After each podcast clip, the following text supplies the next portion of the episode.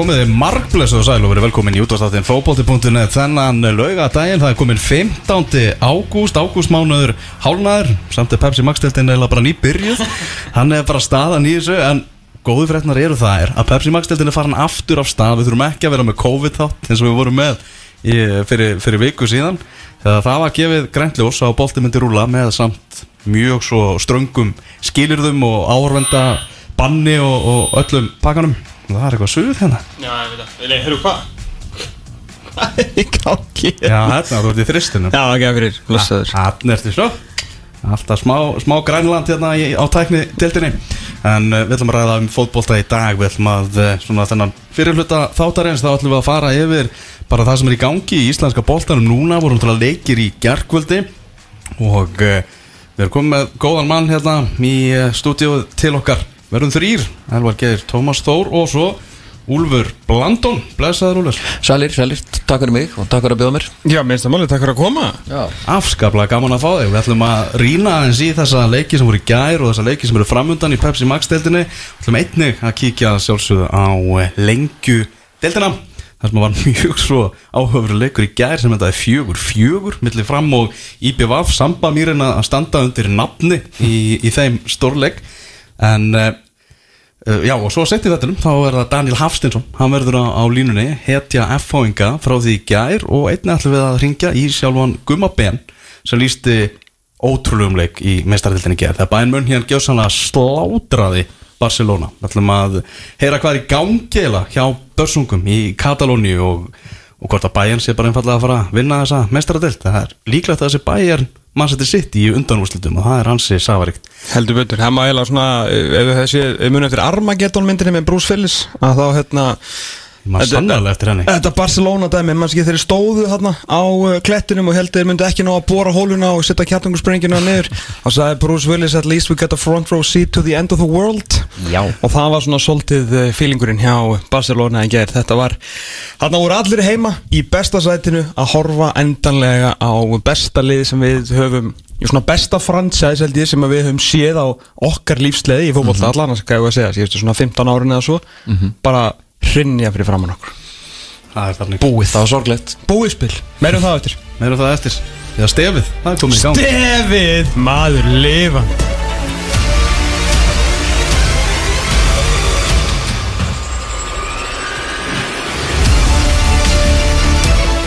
Pepsi Max stefið okkar uh, Tveir leikir í Pepsi Max deildinni í gær. Og við ætlum að byrja á meistaraföllum Það sem að Íslands meistarar KR Tóku á móti F-fáingum Undir stjórn Lóa Ólafssonar og Smára Guðjónsson Daniel Hafstensson kom uh, F-fáingum yfir eftir 14 mínútna leik Kristján Flóki Fimboðsson jafnaði á 40. mínútu en aftur var það síðan Daniel Hafstensson Þórir Jóhann Helgason með stóðsendingar í báðum mörkunum sem að Daniel skoraði og F-fáingar með eh, sigur á móti káringum þetta F-fálið þetta er, Úlur, þetta er bara svolítið annað lið, þetta er bara allt annað lið heldur en byrjaði Íslandsmóti, nýjir þjálfarar það er að koma nýjir mennin í þetta og, og, og það eru öðruvísi vindar í kaplakrika þetta voru í upphæðumóts Já, maður metar það svolítið svoleiðis að, að hérna, þjálfarnir hafa komið inn með svolítið ferska vinda og, og, sennilega búin að létta upp allan pakkan og, reyna að hafa þetta svolítið skemmtilegt. Það er nú ofta það sem gerast þegar þegar nýju þjálfar að taka við og, og, og hérna maður svona veltir í fyrir sig hvort þetta hafi ekki verið bara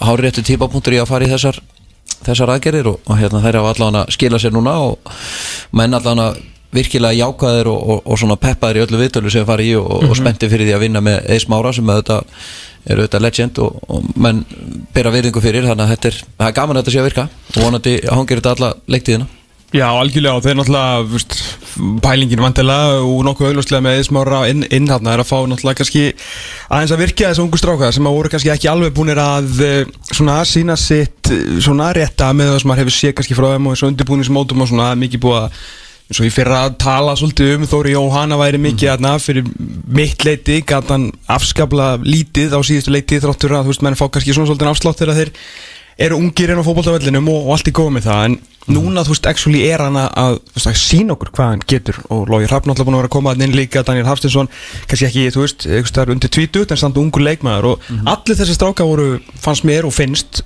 mjög fljótir af stað, fljótir að skila ykkur. Jónatan Ingi strax í fyrsta leik og öðrum leik svona í þessu Já, undir þessum nýju, nýju þjálfurum sem er náttúrulega hrikalega vel gert og við náttúrulega erum búin að tala um í hvað, þrjú, fjögur árum að FH þurfa að fara að huga upp hérna einhverju uppbyggingu og aðeins að fara endur nýja lýsitt og þetta er búið að gerast ansi hratt og maður svona, ef ég var allan FH-ingu var ég mjög spenntur Já, það er árum, búin að sko. koma inn fullt á unga leikum en svo líka þetta Baldur Lógi sem að. Mhm. byrja leikin í gær þannig að það er að þessir þrýr svona kannski þessir yngstu leikmenn þeim sem hafa verið að fá að, að, að láta ljósið skína og mér finnst það bara búin að standa virkilega venundur í og, hérna maður, maður allan að metra svo leysa að sé að það er komin einhver stemning í þetta og Björn Daniel var virkilega peppaður eftir, eftir leikin í gær og, og, og hérna hljópúsi lifur og lungu í leiknum og, og, og hérna hefur nú verið örglega ansi spenntu fyrir því að fara að sína sitt rétt andlit. Hann átti allan góðan leik í gær. Já, Þarna þegar svona leikskíslan uh, byrtist þá voru margir F-fóðingar sem klóruðu sér í Byrju, hvernig erum við eiginlega að stilla þessu upp hérna?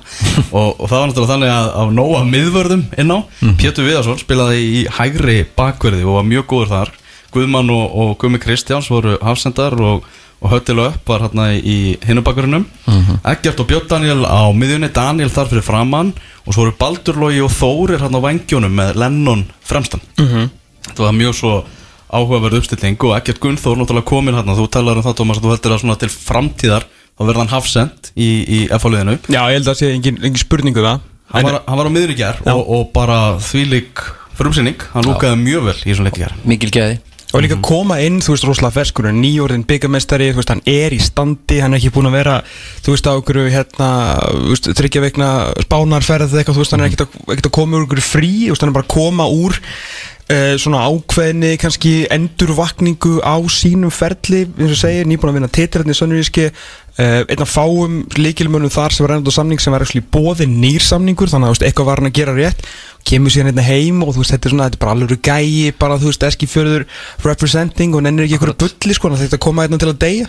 Nei, hann er ekki svona gaur sem að þú ert að lesa með blöðunum að hafa verið á, á, á pöfnum kvöldið áður og með eitthvað vesinn Þú veist, Nei, þetta- það nei. er allt, uh, svona mikil stöðuleik í kringum hann og ég held að það sé einmitt það sem að FH einhvern veginn vantaði, kannski einhver sem drífur þetta áfram og er, er svona, eins og maður segir góður æfingamæður, það, er, það er rosalega mikilvægt þegar þú ert í, í fótballtáfa með æfingar að þú sért með marga góða æfingamenn á æfingum þar sem menn eru og þú veist þeir eru að gefa 100% og ég held að hann sé akkurat þannig típa Já, þetta verður náttúrulega að fara einhvern veginn að finna betur út, því, út af því að fara að halda hreinu svona allan til, til frambúðar búið að vera mjög lítið af svona string of games þar sem er ná að, að ná að halda hreinu en þetta er samt svona á að vera þokkalum úr hérna með færiska landslismarkurinn öllu sem nöpsi og taldur hérna upp út með sko, sko double sex eða 6-8 hvernig svo vilt orða þetta með Björn Daniel og Egger Gunnþórna fyrir framann þú veist, þá náttúrulega geta þú veist, hinn er ungu aðeins bara að leiki sér sko, þú veist, með Baldur og Þóri og, og Daniel Hafsteinsson, þú veist, allir mjög upplöðistrákar, Daniel alltaf með svakarið power, hinn alltaf bara með hríkalega ferskar og,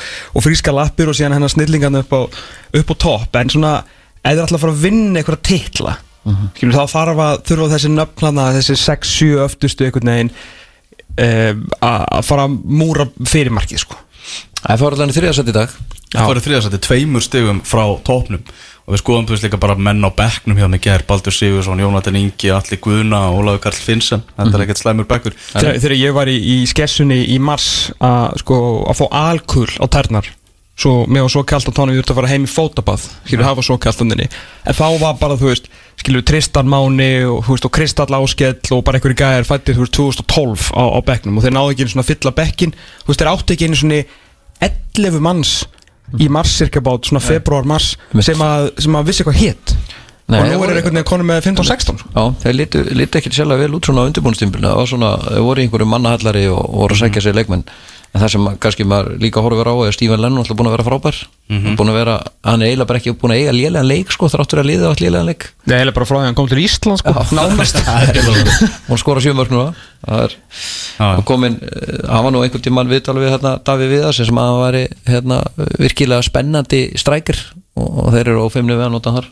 Mm Ég meina, hann var frábær þegar hann var strækir á sín tíma. Þú veist, þegar hann var bara, var fremstur náttúrulega frábær að komin í bóksi með geggi slút getur slúta með báðum fótum eins og ágæti skallamæður svona ef hann fær, fær, færi til sko Akkurat. en náttúrulega vill hann sjálfsögðu hann fái bara ég meina, hann skoraði nú setjandi á raskatinu á móti leikni hérna um árið sko hann að allt getur hann gert þessi maður Það getur allt gert skorað en við erum búin að vera duglegur á móti leiknið að skora Já það? Æ, stóð okkur út úr undan úrslitu bygga sinns á 90. mínúti eða Það er rétt, já, það er rétt. Herðu þarna Ólaður Karl Finnsen hann náttúrulega komin í FH-búningin og, og Lógi Ólásson veit náttúrulega upp á tíu nákvæmlega hvað hann er að fá þarna. Og náttúrulega þessi ráðning með Lóga og, og, og Eið það er náttúrulega að tala um það að svona hluta af þessu er að ná upp gleðin aftur í, í kaplakreikanum og, og Lógi, hann bara tala reynd út um það þannig ertu bara komið með stór skemmtilega karakter, bara nýja fígúru einhvern veginn í, í klefan uh, hvað er Ólaður Karl Finnsen að fara að færa F-fáingum, Úlur? Ég held að sko Ólaður Karl Fissin hefur alltaf verið svona X-faktor í liðanum sem hann hefur verið í.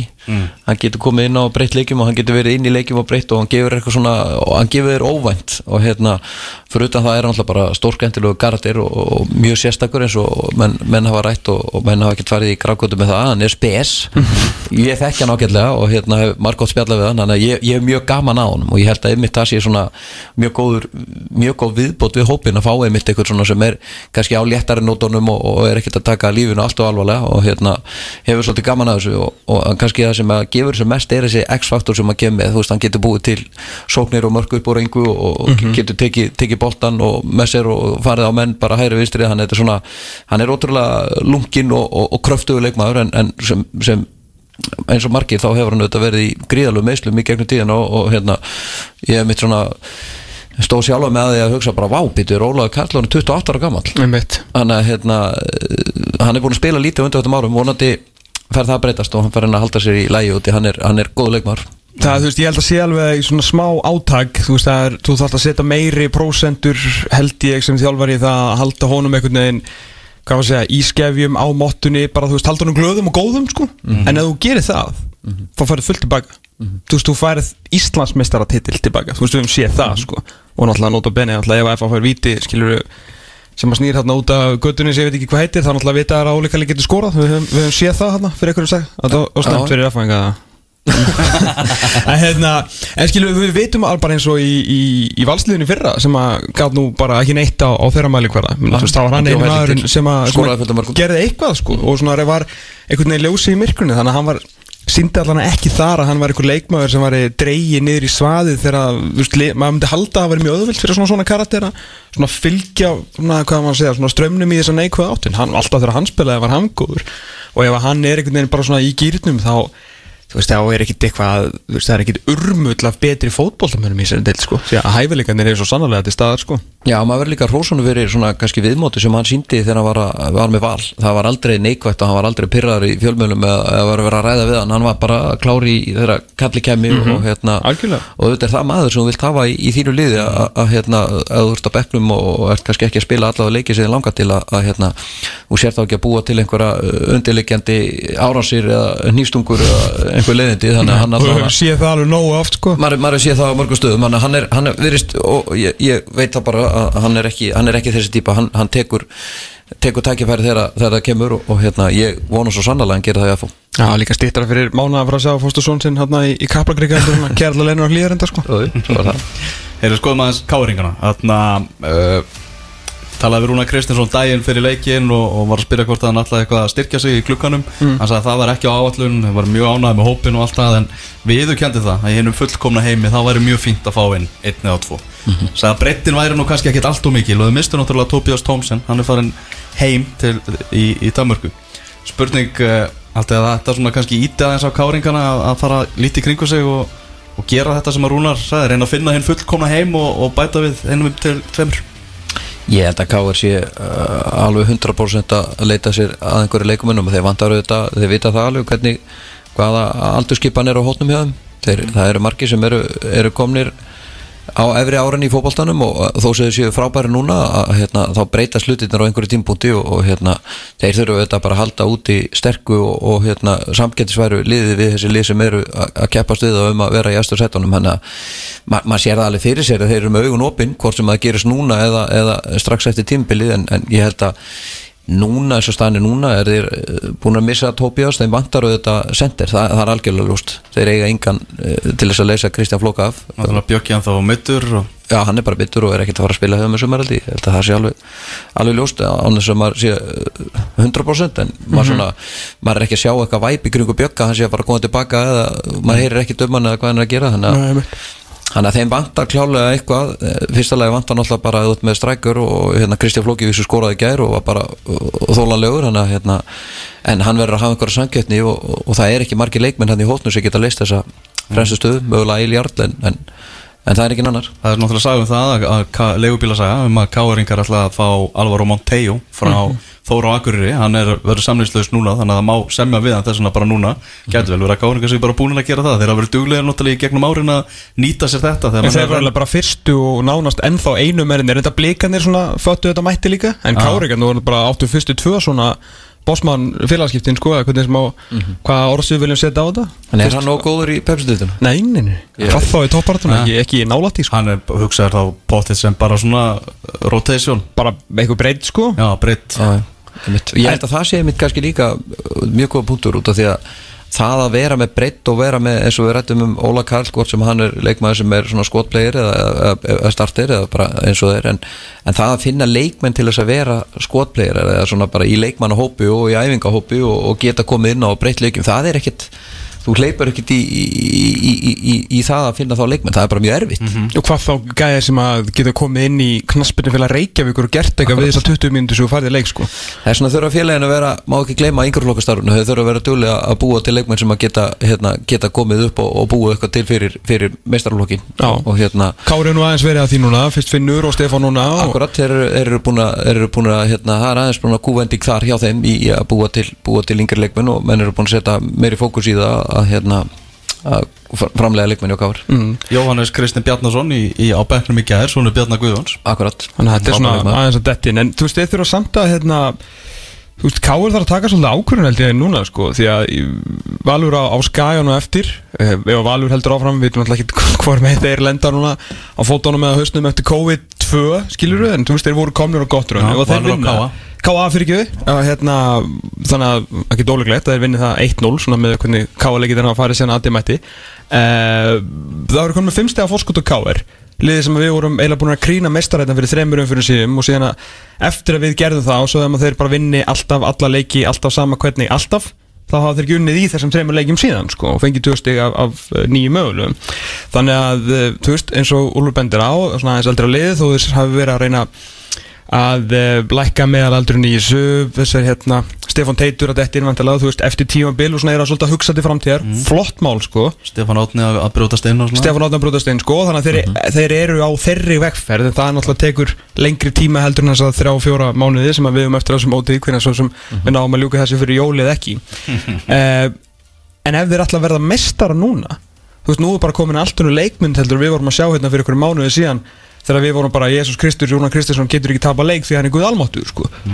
Þeir getur klukkan 6 í dag verið 5 stegum eftir eftirsettinu, vissulega með leiktu góða skilur en þú veist hvað er, þú veist, þeir þurfa, það er alveg auglust þeir þurfa allavega einn alvöru fótboltakall til að vinna þessa del því að Heimi Guðjónsson er mættur with a vengeance og Lói og Eður líka bara veist, í toppmálum sko, og ekki glema skara sko. Þessi deild er svo ótrúlega skemmtileg. Ég segi það, en þú lítur að vera sammála með þið að Káir þarf einn leikmann núna í glugganum ef þeir ætla að vera jafn góður og þeir hafa verið sko. hinlegin eru bara að ná þeim og komin yfir þið sko. Kvitt algjörlundi það. Þeir eru á leiðinu til Skotlands. Káringarnir er að fara að keppa móti Celtic núna í komandi viku. Í, í undakefni meistaradeildarinnar. Er sjans ekki fræðilur ekki uh, fyrst er eitt leikur Jú, jú, þetta er, er, er, er end of the day, it's football, you know what I mean, eins til að vitna í 100 marka mannin Gary Martin, sem að auðvist þér náttúrulega sjálfur á, á Facebook, á Facebook, Twitter og Instagram að hann væri komið 100 marka á Ísland og til hamingju Gary. Gary Martin kann að telja Já, hann hann það er eitthvað sem hann kann, það voru að skora, telja og uh, Láta vita láta vita og hafa gaman. hafa mjög gaman. En til hamingju Gary, algjör fucking kongur. Fyrir mér fram í þetta Já, takk hérlega fyrir að vera til bara. Uh, hérna, hver var spurningi eftir? Þetta út? Já, ég maður það ekki Nei, en það, voru Já, gaman þín. mö- möguleikin á Celtic Já, nei, ekki, ekki, ekki fræðilusens Ekki fræðilegur ekki fyrst að þeir eru í Fattur, þeir eru Ég veit að það er smá stopp núna Eftir að, veist eftir að snillingunni fótið tenni Fattur, en Já. uh, þetta er ekki breyk sko. En er samt ekki, er, er samt ekki ef það er einhver tíman smá tækjafæri þegar þú ert búin að fá gríðarlega fjölmjöla umföllin í þínu landi og, og hérna, það er allt einhvern veginn á mótið þér og, og, og hérna, COVID og, og þú er búin að bróta reglurnar og fórsættisraður landsins er að Hundskamma hundskamma lið, ert ekki smá lítill líður og, og hérna, gefur þetta ekki káur allavega kannski nokkuð prósent í, í hérna, meiri vona að þau geti allavega náð í eitthvað Það eru meiri líkur skal viðkjöna það en þegar Van Dijk mætti þetta á sín tíma Það eru meiri líkur en það eru ekki miklar þessi, þessi ræða hjá fósættstræðurinnum þegar hún sagði í lokin bara hana svo, svo ég tala bara eitthvað tungumál þau eru komið með guldspjald Já. og ef þið gerið eitthvað meira Já. þá bara get ég ekki annað að gefa ykkur rött Hvernig? Bara mjög eðlilega En ræðileg gaf þeim samt þó bara gullt Hún fór ekki, þetta var ekki beintraut þetta var, þetta var svona bæði svanurinn og guld Ja. Og tiltal. Og til Þetta var stór, þetta var Þorvaldur hérna Þorvaldur Átnarsvanur Það var stór og góður. Algjörlega. Já, það verður fróðilegt að sjá hvað, hvað káeringarnir gera í þessu en F-fáingarnir, þeir eru að senda ákveðin skil upp og bæðir náttúrulega bara á leikmannamarkaðunum og inn á vellinum líka. Algjörlega. Sem að er mjög skemmtilegt fyrir þess að deild Er það var annar leikur í eh, Pepsi Max deildin í gær þar sem að Stjarnan og Gróta leku á Samsung vellinum þar sem að Stjarnan leiti 1-0 í háleik eftir að Guðjón Pétur Lýðsson, Gauði Lýðs skoraði sitt fyrsta mark fyrir Garbaðinga eða þarf að segja í endurkominni mm. uh, Karl Friðlefur Gunnarsson hann jafnaði fyrir Grótu á 70.50 mínútu og þar við satt svekkjandi úslit fyrir stjörnumenn en Grótumenn, þeir geta verið mjög ánæðir með, með niðurstöðuna Já, ekki, ekki spurning, ég meina eitt stig á, á Samsung er, er mjög gott fyrir, fyrir grótuna og glemir því ekki að nú er þeir búin að fá tvö stig eh, úr ekki það mörgur leikjum gegn tveimurlegin sem eiga að heita top 6 bæði hérna gegn stjórninu og, og vikingi en uh, eins og við höfum margsinni spennt á og svo sem örgulega fleiri sem hafa fjallað um fótbolta um gerfalla veröld að þessir punktar telja helviti lítið þegar að segratna fylgir ekki með sko Mhm. Þannig að þú veist þetta er auðvitað peppandi og jákvætt og, og þú veist þeir, geta alveg gert þetta. Þú veist það er alveg náttúrulega Gústi er búin að umvelta þessu fótballtaliði og bara kom breyta þessu bara í, í Gústa Púst gróttu sko. Þú veist það er bara valla snefill eftir af því sem við sáum þetta með Óskar Hrafni sem er bara fínt, ég menna Gústi þurft að gera þetta eftir sínu höfði, hann hefur gert það frábælega Uh, og þeir hafa verið að ná í ágætis úrslit en, en þrjú jafntefli og sigur er samt, eru samt bara 60 sko. en, það, en ég lísti þessum leik hann í gær og, og þetta var virkilega bara verðskuldað og hildina litið hjá, hjá grótu þú veist, þeirra leikplan gekk alveg klárlega upp. Þeir voru mjög beinskettir þrátt fyrir að stjarnan var með boltan nánast allan tíman í fyrir háleik, það voru grótum en samt að ná að skapa sér færi þegar þeir fóru eitthvað, fóru eitthvað fram. Og þetta mark, þetta jöfnunamark hefðum á 750 minúti, það bara lá í loftinu mínúturnar á endan, þeir áttu alveg svakalega upplúðan kapla og Karl Friðlefur, náttúrulega, sem að kemur á láni frá blikum, þetta er hans fjórða mark í, í deildinni í sumar það getur bæði skora á sko, open play og förstu leikatröðum því að hann er náttúrulega svaka turn Já. svaka skrokkur á þessum strák uh, getur hoppað, getur skalla eldfljótur, það er fullt á það sko. Spáði það því að, að hérna, leikmenn hafa verið eins og Gústi hefur talað um að menn er ekkit sérstaklega spendi verið að fara í gróttu. Þannig kemur strákur frá Breiðablík sem kemur á láni og sýnir svo sannar. Ég meina þessi strákur er, er, það eru 90% líkur að hann verður ekki í gróttu næsta ári. Árið hann verður sennilega í, í liði sem heldur, heldur sæti sinni í dildinni og, og hérna kallar eftir hans kraftum nema að verður bara reynlega í Breiðablík en, en hérna að Mér finnst svolítið að, að hérna, með þurfa að vera með aðeins meira sjálfstyrust og, og þóra að fara í, í klúpa þessu gróttu þó að þeir sé að synda bóti strömmnum og, og, og erfið verkefni framöndan. Þetta er auðvitað það sem að, það sem að gera það fótboltamanni, það er að, að, að hérna, takast á við erfið, erfið þættina í fótboltanum og hann er, mér finnst, ég ber gríðalega verðingu fyrir því sem hann er búin að gera skora fíu mörg og Gústi hefur greinlega haft trú á honum og veit hvað hann hefur fram að færa þannig að þetta er, þetta er tækifæri og menn þurfa auðvitað að horfa á þetta svoleiðis og, og hérna, sjá sjá ljósið og geta, geta nýtt sér það. Mhm. maður sem að hérna, er, er í þessum þessu fiskabúri hérna á hverju mennasta degi Máni Pétursson, hann kom með áhugaverða sögulínu á Twitter. Ekki í hverjum einasta degi þegar fara hann alltaf í sitt fimm mánuða suma frístrákandir en svo koma þeir. Já, já. Hann kemur áhugaverða sögulínu. Fyrir ári var garpað einhverjum Patrik Óri Pétursson í bjeliði annarflokk stjórnunar í kvöld var hann með sóknarlínu meistarflokk stjórnunar í vasanum. Tvö töpu stig en ég get allan að glaðstu við framistuð hans. Kemur einn daginn vel skólaður tilbaka. Hann var hérna í, í hjarta varnarinnar þessi, þessi strákur. Og, 2000 módel. Já, mjög flottur og eins og segir var í bjeliði annarflokks stjórnunar fyrir ári síðan. Akkurat. Það má ekki gleyma, það má ekki gleyma þess að, það, að hérna, ef að leikmenn eru tilbúnir að, að gefa lífsitt í fótboltan og hérna hafa snefila hæfileikum þá er, þá er allt hægt. Það er bara þannig Hérna, sendingin á, á Karl Frilef Ég bara var að reyna að sjá þetta á vísaðan Var þetta Kristofur Orri eða? Þetta var Kristoffer Orri sem á bara til dælu nýkomin inn á sem Mhm. Já, einmitt, Fimm einmitt. mínútum á Já, ég sá hann að hann var á varamannbæknum sem var komið kannski svolítið óvart með svona akkurat, hann hendur þessu upplegið gera svo, svo vel en þessi sending sko náttúrulega hann er á nú þegar stóðsendingu ársins, veist, hún er bara komin þarna mútið HK og í fjögur fjöguleiknum þannig að þú veist, þá þarf ekki að ræða þannig frekar þú veist, ég held að það verði ekki toppað en þessi sending var algjör, algjör móli sko. Kristofur Orri kannski svona meira sóknarþengjandi leikmaður heldur en að leggja tilbaka uh, í 70 myndur, hann Jú, jú. kannski hortað að svolítið svolítið að Gott hann að fá hann inn á.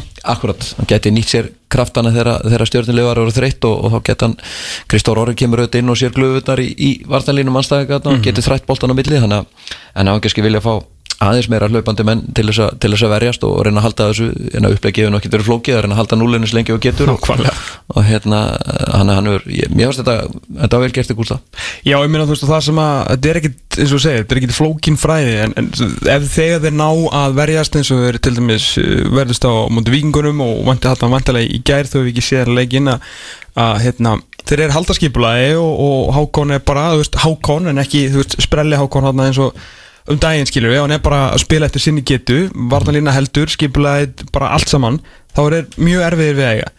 En þessi breyk fram á við, þú veist þetta er á einhverjum öðrum hraða en maður sér oft. Þetta er ekkit eðlilega fljótustrókar og þú veist að ég myndi ekkit nenn að standa eitthvað einn í hægri bakur og svo kemur allt í einhver einhver píla út til vinstri og kemur Axel eitthvað einn á mig bara, þú veist, glemdu ég myndi nenna því sko, svo getur líka loft á hann hátt á, á Pétur, þegar að Kristoffer Orri er inn á getur hann fengið boltan þó að sem mann í baki skiptir engum máli, það er bara rassin út snúningur og bara, þú veist, loft á hann bara yfir bakurinn bent á Axel, það er fullt sér geta gert fram á þessi gæjar, það er náttúrulega ekkit mikið af því að þið þurfa að passa markið sitt, þetta segir sér sjálft, en þetta, er, þetta getur verið stór þetta Þetta skilar stig, nánast í eintölu svona hinga til. Þú veist, þau verða að fara að nýta þetta í einhverja sigra eða alltaf að halda sæti sinni því að þessir singulpunktar gera voða lítið fyrir þið sko.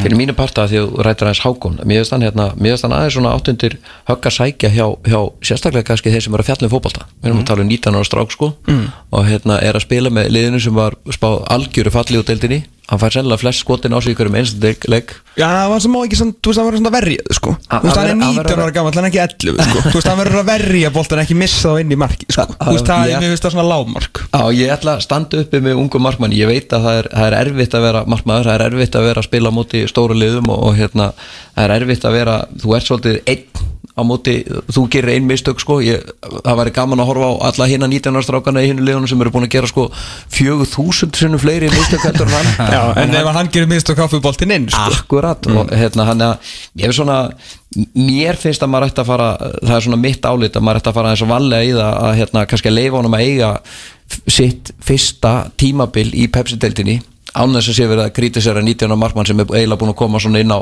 inn á hérna eh, inn á radarinn bara á, á undanföndu tveim árum mm. Líkilættir er samt sko að hérna að Gústi haldi áfram að gefa hún sensin sko. Akkurat. skilur, að hann fari ekki svona þó að sjá ekki einhver eitt mistök, ein mistök, tvö það skiptir ekki máli, skilur, að meina að hann hefur fullt tröst þar, þetta er endur þetta degi það eina sem skiptir máli, sko og ég, ég veltið fyrir sig að þú bara horfir aðeins yfir á Aron Dag sem að poppa allt í nútulegðuna þarna fyrir, fyrir einvistuguleik það er hérna, þetta er, þetta er svolítið dýrt og ég, maður svona veltiði fyrir sér hversu, hversu látt er, er sjástustu, hversu, hversu látt voru það þarna á, á sín tíma. Hákom var, Hákom var flottur í gær og, og Gróta fekk tvö hörku færi í fyrri háleik eftir útspörk bara frá honum. Akkurat, mjög góða spinnur. Já, En nei, ég, maður, bara, maður er bara þjálfari maður sjá unga leikmenn uh, þroskast og njóta sín og ég veit að það er ekkert auðvelt að vera markmaður og, og, Nei, nei, ekki, og, sko. og, hérna ungi leikmenn sem er að spila úti og, klúra döðafærum og, og hérna missa boltan og það koma sóknir og þú tapar boltan á hættulegum stöðum. Það er ekkert mikið að vera að tala um það sko en, en svo kemur kannski eitt skot sem hann hefði mögulegt að verja svona 30% Stjórnumenn voru, voru langt frá sinu besta vissulega, þú veist, áttuði stangaskot Hilmar Rótnur aukaspilnu í stöðun 1-0 uh, og það var sko, Óskar Jónsson var svo nálægt því að fá rautspjald, þetta var svo appelsinu það voru alveg takkarnir í taklingunni og allt sko, rétt áður en að, að, að gróta næður jöfnunamarkinu en er reikalega vombriði fyrir stjórnuna sem var búið að tala um sem Íslandsmeistra kandidata með alla heila bara holy moly þeirra sterkasta lið bara í, í þessum leik og ná ekki meiru, meiru út úr heimaleika móti gróttu, þetta getur verið leikur sem að þegar stíðin verið að tala upp á pottinum í lokin sem að, sem að þeir munu svekja sig viss Já, en ennþá uh, eina ásýraliðið og eiga tvo leikiti góða á hérna, að þrjá til dæmis á, á, á val í dag þannig að þeir eru ennþá í, í ágæti stöðu þó sé þetta sammálaðir að þú ert stjarnan og að vera Íslandsmeistari þá viltu vinna þá viltu vinna gróttu á heimavalli það, það segir sér alveg, segir sér alveg sjálf sko. Mér finnst þeir, er þeir ekki svona búin að vera smá vandræða með að skora mörg og svona, það er svona, manni finnst einhvern veginn það er ekkit mikið að mörgum að koma í kringum, koma í kringum stjórnulið þetta eru búin að skora einhver mörg en, en hérna Sko færri en vanlega, þetta er lið sem er, veist, í, í 40 pluss nánast, sko, Akkurat. held ég 7 af 9 árum eða eitthvað, sko, bara, þú veist, það hafa alltaf verið það mikið svona partí Já. upp á topp hjá þeim, Já. enda mjög benskittir, en nú aftur á móti hafa þær prófað, svona mjög sniðut hjá þeim, prófað sérst að verjast, sem Mhm. hafa gert minna af og svona, og Halli frábær þessu tímbili og svona, Mhm. þannig að þeir, eru svona, það Þeir, þeir, þeir eru með 11 markaskora að, einmitt, þú veist, Það það er engin 11 búin að skora mörkin. 11 mörgin 14 sko? Þannig að það er alveg rétt. Og þá vantar aðeins, þú veist, það er ekki alveg sama rock og róli fram á við. Aftur á móti, þú veist, meiri symfónía tilbaka er að halda hreinu, þetta er svona smá káir bragur aðeins núna, en það er liðið nánast með sömu marka töluleika 14-9, 14-6 Já, eða eitthvað. akkurat. þannig að hérna, já, ég missi að segja en, en þeir aftur á móti eru ekki búin að tapa fótboltaleik, þannig að kannski var bara ágætt að stilla aðeins strengina þarna aftast á vellinum og svo mm, kannski með svona hækka, hækkandi sól með lækkandi sól og, og veðri og vindum er við förum inn í veturinn og kannski fáum við, fáum við mörkin frá stjórnumönum aftur sko. Já, þeir, en þeir, sko, ef maður svona rínir í, í þessu topplið sem eru þarna, þá eru flesta þessu liðum bara með einn strækir og Já. ef við tölum káir, þeir eru einn í dag, voru með tvo Valur með Patrik, einn Stjarnan, Guðjón Þú veist, þetta er, menn eru alveg smá vandræðum þarna með, með sentistöðuna Breiðablík, Mikkelsen 1 Breiðablík, akkurat. Víkingur 8 1 Akkurat. Nenn er enginn að vera varasendir. Veist, Nei, það, það er er allir með menn til, að, til þess að leið þú veist, vikingur með Helga Breiðablíku með, eh, með, hérna, með Anderson þú veist, það er fullt að gæðin sem geta leist þetta en Akkurat. það er rétt þér, bara out and out nýja, bara refur í kassa það er bara, það er bara einn á lið, Já, og það er bara vanda, svo að vera skamtað ja, akkurat, og vandamálið er er hvaða samgetni hefur þessi strækir sem að kannski dettur í gýrin og er inn og út úr, úr, úr formi og hérna, þú hefur eitthvað svona sérstakann til þess að leysa af, það er auðvitað erfitt.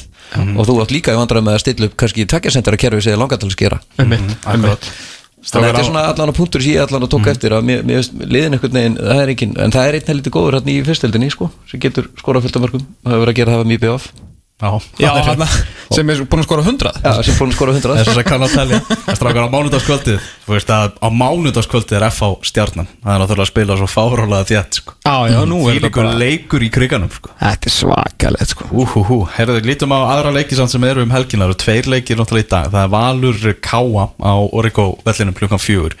Uh, Aðeins um Káalið Þarna Óli Stefán Flóvensson kom í viðtal Fóru á Trúnó með, með, með, með val, Valdi Þetta nýr dagskafleður já, í minni skoðun og trúna með Valtýr Já, með, með Valdi Bitni og hann bara lagði öll spilin á borðið og, og bara talaði algjörlega frá hjartanu fór eins og honum er nú einu lagið. Já, talaði meðal annars um, um umfjöllunina að, þú veist, það hefur ekki lengt sér að umfjöllunin og umræðan hefur verið að fara svolítið í töðarnar á, á Óla Stefáni -hmm.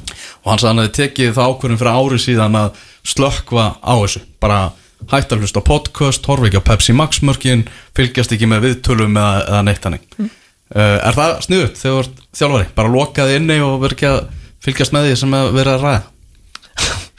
ég, ég, maður svona veltiði fyrir sig hvort að þetta, þú svara spurningunum með þegar hann hætti að horfa á þetta sko, því að þá fór að gangi illa sko. Þannig að hérna, nei, ég held að að þurfa þetta að geta tekið gaggrinni sem, sem þjálfari og hérna og, og, og, og tekið kannski bestu hérna, mögulegu þættina út úr gaggrinni og, og, og nota það sem að eins og þú sér sérst að rína til gags og hérna geta nýttir kannski það er ábendingar sem er að, er að sigla um fyrir ofaði og í kringu þig. Þannig að hérna, nei, ég, ég auðvitað er þetta auðvitað þarf þetta, ég meina eins og umfjöldin í Pepsi Max markónum er auðvitað góð og þú sér alls konar þætti sem þú getur mögulega nýttir þannig ég held að ég held að það sé nú aldrei gott fyrir einhvern að loka sig algjörlega. Menn þurfa að fylgjast með og vita hvað er í gangi og hérna og það kannski smittast inn í, í hausina á einhverju tímpúti en þú þarf að vera sem þjálfar að geta brinjaði fyrir þessu. Sko, þetta er náttúrulega bara einstaklingsbundið. Um, Óli Kristjáns uh, sagði á sín tíma hérna að hann hlustar og sér allt að hann sagði bara að ég fylgist ekki með þá bara dreist ég aftur úr.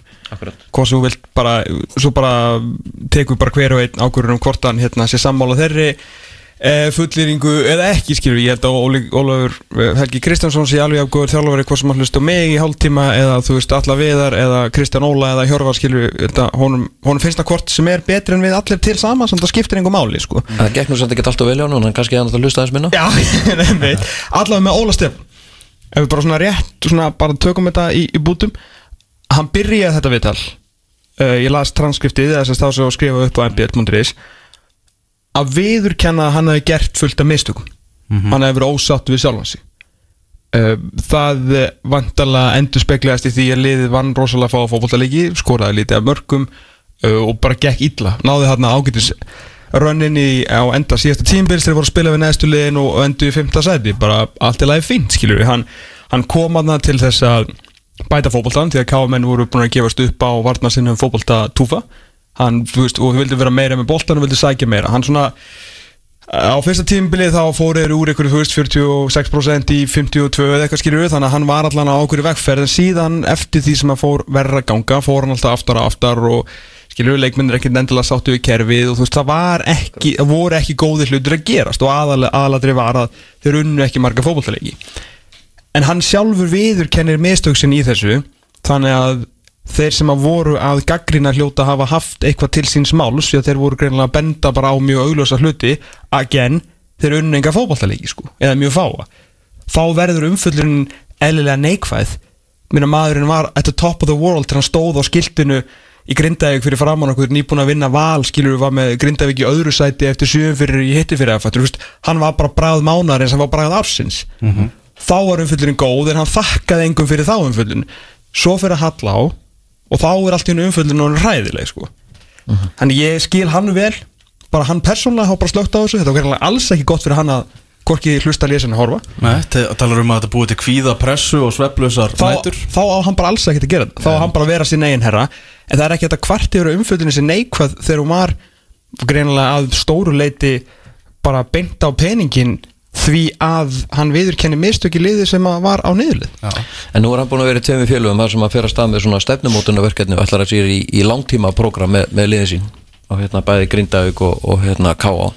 þar sem að býr til hrikalega flott eh, hérna svona stefnumótunar program sem hann er að fara í með liðin sín ég held að Ég held að svona fyrir, fyrir þjálfari sem hann sem er svona ástriðfullur og, og hérna, metnaðfullur fyrir, fyrir sínu verki, hann þarf að, hann þarf að geta gefið sér stýttir í tími ná árangri. Og hérna, mér finnst að þurfi að, hérna, svona ef maður hugsaður þetta eftir á að, hérna, fótballtæmurinn gefur þér ekkert endur svona tíma. Þú þarft að, þú þarft að hérna, kannski eima á eitthvað og, og, og setja þér markmið og, og, hérna, og reyna að ná þeim og, og, og hvort sem þau eru langtímaverkefni eða skantímaverkefni þá er fótballti snýstan sigra og, og ánægu og gleði og, og áhörðin hafi gaman þessu og horfa á skemmtilega fótballta auðvitað snýst hann líka um stefnumótun en mér finnst hann kannski svona stundu fullt mikið vera í, í einhverju svona langtímaverkefnum í staðan fyrir að fókusa á daginn í dag sko. En þú veist, kannski bara fínt fyrir hann að fara bara niður um tvær dildir Þú veist, ef hann vil taka, þú veist, að því að hann hugsa eins og Úlur segir til rosalega langs tíma og hann langar að búa til rosalega flott koncept í kringum allt. Þú veist, hann er, hann er mjög, taktískur leggur mikið upp úr því að bara leikmenn viti hvað hva er að gerast, flotti vídeofundir, rosalega mikil og góð vinna sem að fer í hverju einustu mínútu sem að hann þjálfar og, og bæðist þess þjálfar á æfingum og stýri fótballtæleikjum sem er bara geggjað. Og bara ungur og flottu þjálfari sem að mun alltaf fá annan séns og séns eftir það. En kannski bara þú veist eitthvað taka flottasta klubin í, í annar dild og bara taka, gera það bara alvöru langtímaverkefni. En áhugavert að eða líka í þessu flottast það- dildin í fyrstu dild eða bara einmitt, fara bara farðu og vindu eitthvað, farðu og kláraðu eitthvað og hérna, mér finnst kannski svona tímbótun í honum einmitt kannski, her, ok, nú ætlum ég að- slaka á þessu stefnumótun að vinnu með, með félögum minn, nú ætlum ég að fara bara að taka eitthvað gott lið og fara með það upp en dild og, og fá þá tilfinningu. Já, annarkvort skilur, annarkvort bara finna sér stað til að fara í bara fimm ára verkefni eða þetta. Þryggja hafsættakerfið það er náttúrulega mikið í umræðinu og hann var stóð bara á því að, að það hefði ekki verið mistök að, að, að fara aftur í, í þrjá hafsænda og sagði meðal annars að hann ætlaði að vera bestur á Íslandi í þessu game-móteli þannig að hann ætlaði að vera bara sérfræðingur Íslands í þryggja hafsændakerfi en við kennum reynda líka í viðtalinu að hann hafi búin að ákveða það í leiknum á, áður en hann var reikinn þá ætlaði hann að fara í fjóramanna línu aftur og segir þarna að þetta var komið á þann stað að ég vildi gera það sem umhverfið öskraði á til að fá jákvætt input inn í hópin Já, þá ertu, þá er þetta búið sko. Er það ekki? Þá er þetta búið. Herra, það eru tvö stutt ummali frá Óla Stefansson sem þetta líka aðtekli mína í, í þessu, þessu viðtali sem ég ætla að spila fyrir ykkur og fá, fá ykkar mat á. Byrjum hérna á þessum komin, Rodri sem að, að mínum að þetta er bara reynd og beint besti leikmaðin í íslensku, íslensku deildin í dag hann var á sjúkrós í fyrstu þrjá leikina, hann var ekki með komin Og er eh, Rodri besti leikmaðurinn í íslensku deildinni? Ekki nála því. Nei, ég verða játa, ég er ekki alveg sammálað þessu hérna, þessu kommenti í honum en, en, en þetta er nú bara svona, svona og hjá fóruðrun sko, hverju fyrst sinn fugl fagur og hérna, þannig ég held að menn sem þjálfara þurfi þetta að hafa trú á, á sínu leikmönnum og ég, ég hérna Ég hefði gefið honum skilur eitt besti í deildin í sinni stöðu eða eitthvað þannig Já, besta- bara er besti, einn besti í því að fá boltan, koma honum í spil einn besti í staðsetningum Akkurat. og eða bara einn besta sexan skilur en þú veist, þú ert með bara Patrick Pedersen, Thomas Mikkelsen Óttar Magnús, Stephen Lennon bara, þú veist, ég veit ekki hver bara, ég veit ekki hver og hverja, Viktor Karl Einarsson bara endalust að leikmennu sem eru Thomas Mikkelsen? Já, mitt, bara, þú veist, fullt aðeim Fullt aðeim, önnur umali hérna. Næ, smá tækni Vesan, hérna er þetta. Þess vegna þess að mínu mati, nú, nú er ég hérna, ætla ég bara að segja það, ég held að Káa sé með tvo að að jafnvel fimm bestu markmennum á Íslandi, þannig að þetta er alls ekki auðveld staða sérstaklega fyrir markmenn að Tvo af fimm bestu markurðum á Íslandi, sammála? Já, já, og Arondöður Já. Uh, Hannes, Anton Beitir, Halli pff, Ingvar svona, þú veist, neða, þú veist, hann er ekki búin að sanna en hann er það. Svona fjórir. Já Er, er, er K.A. með bara tvo bestu markurðum landsins og besta leikmannin eiga þeir ekki að vera mun ofara þetta? Ég hefði haldið það sko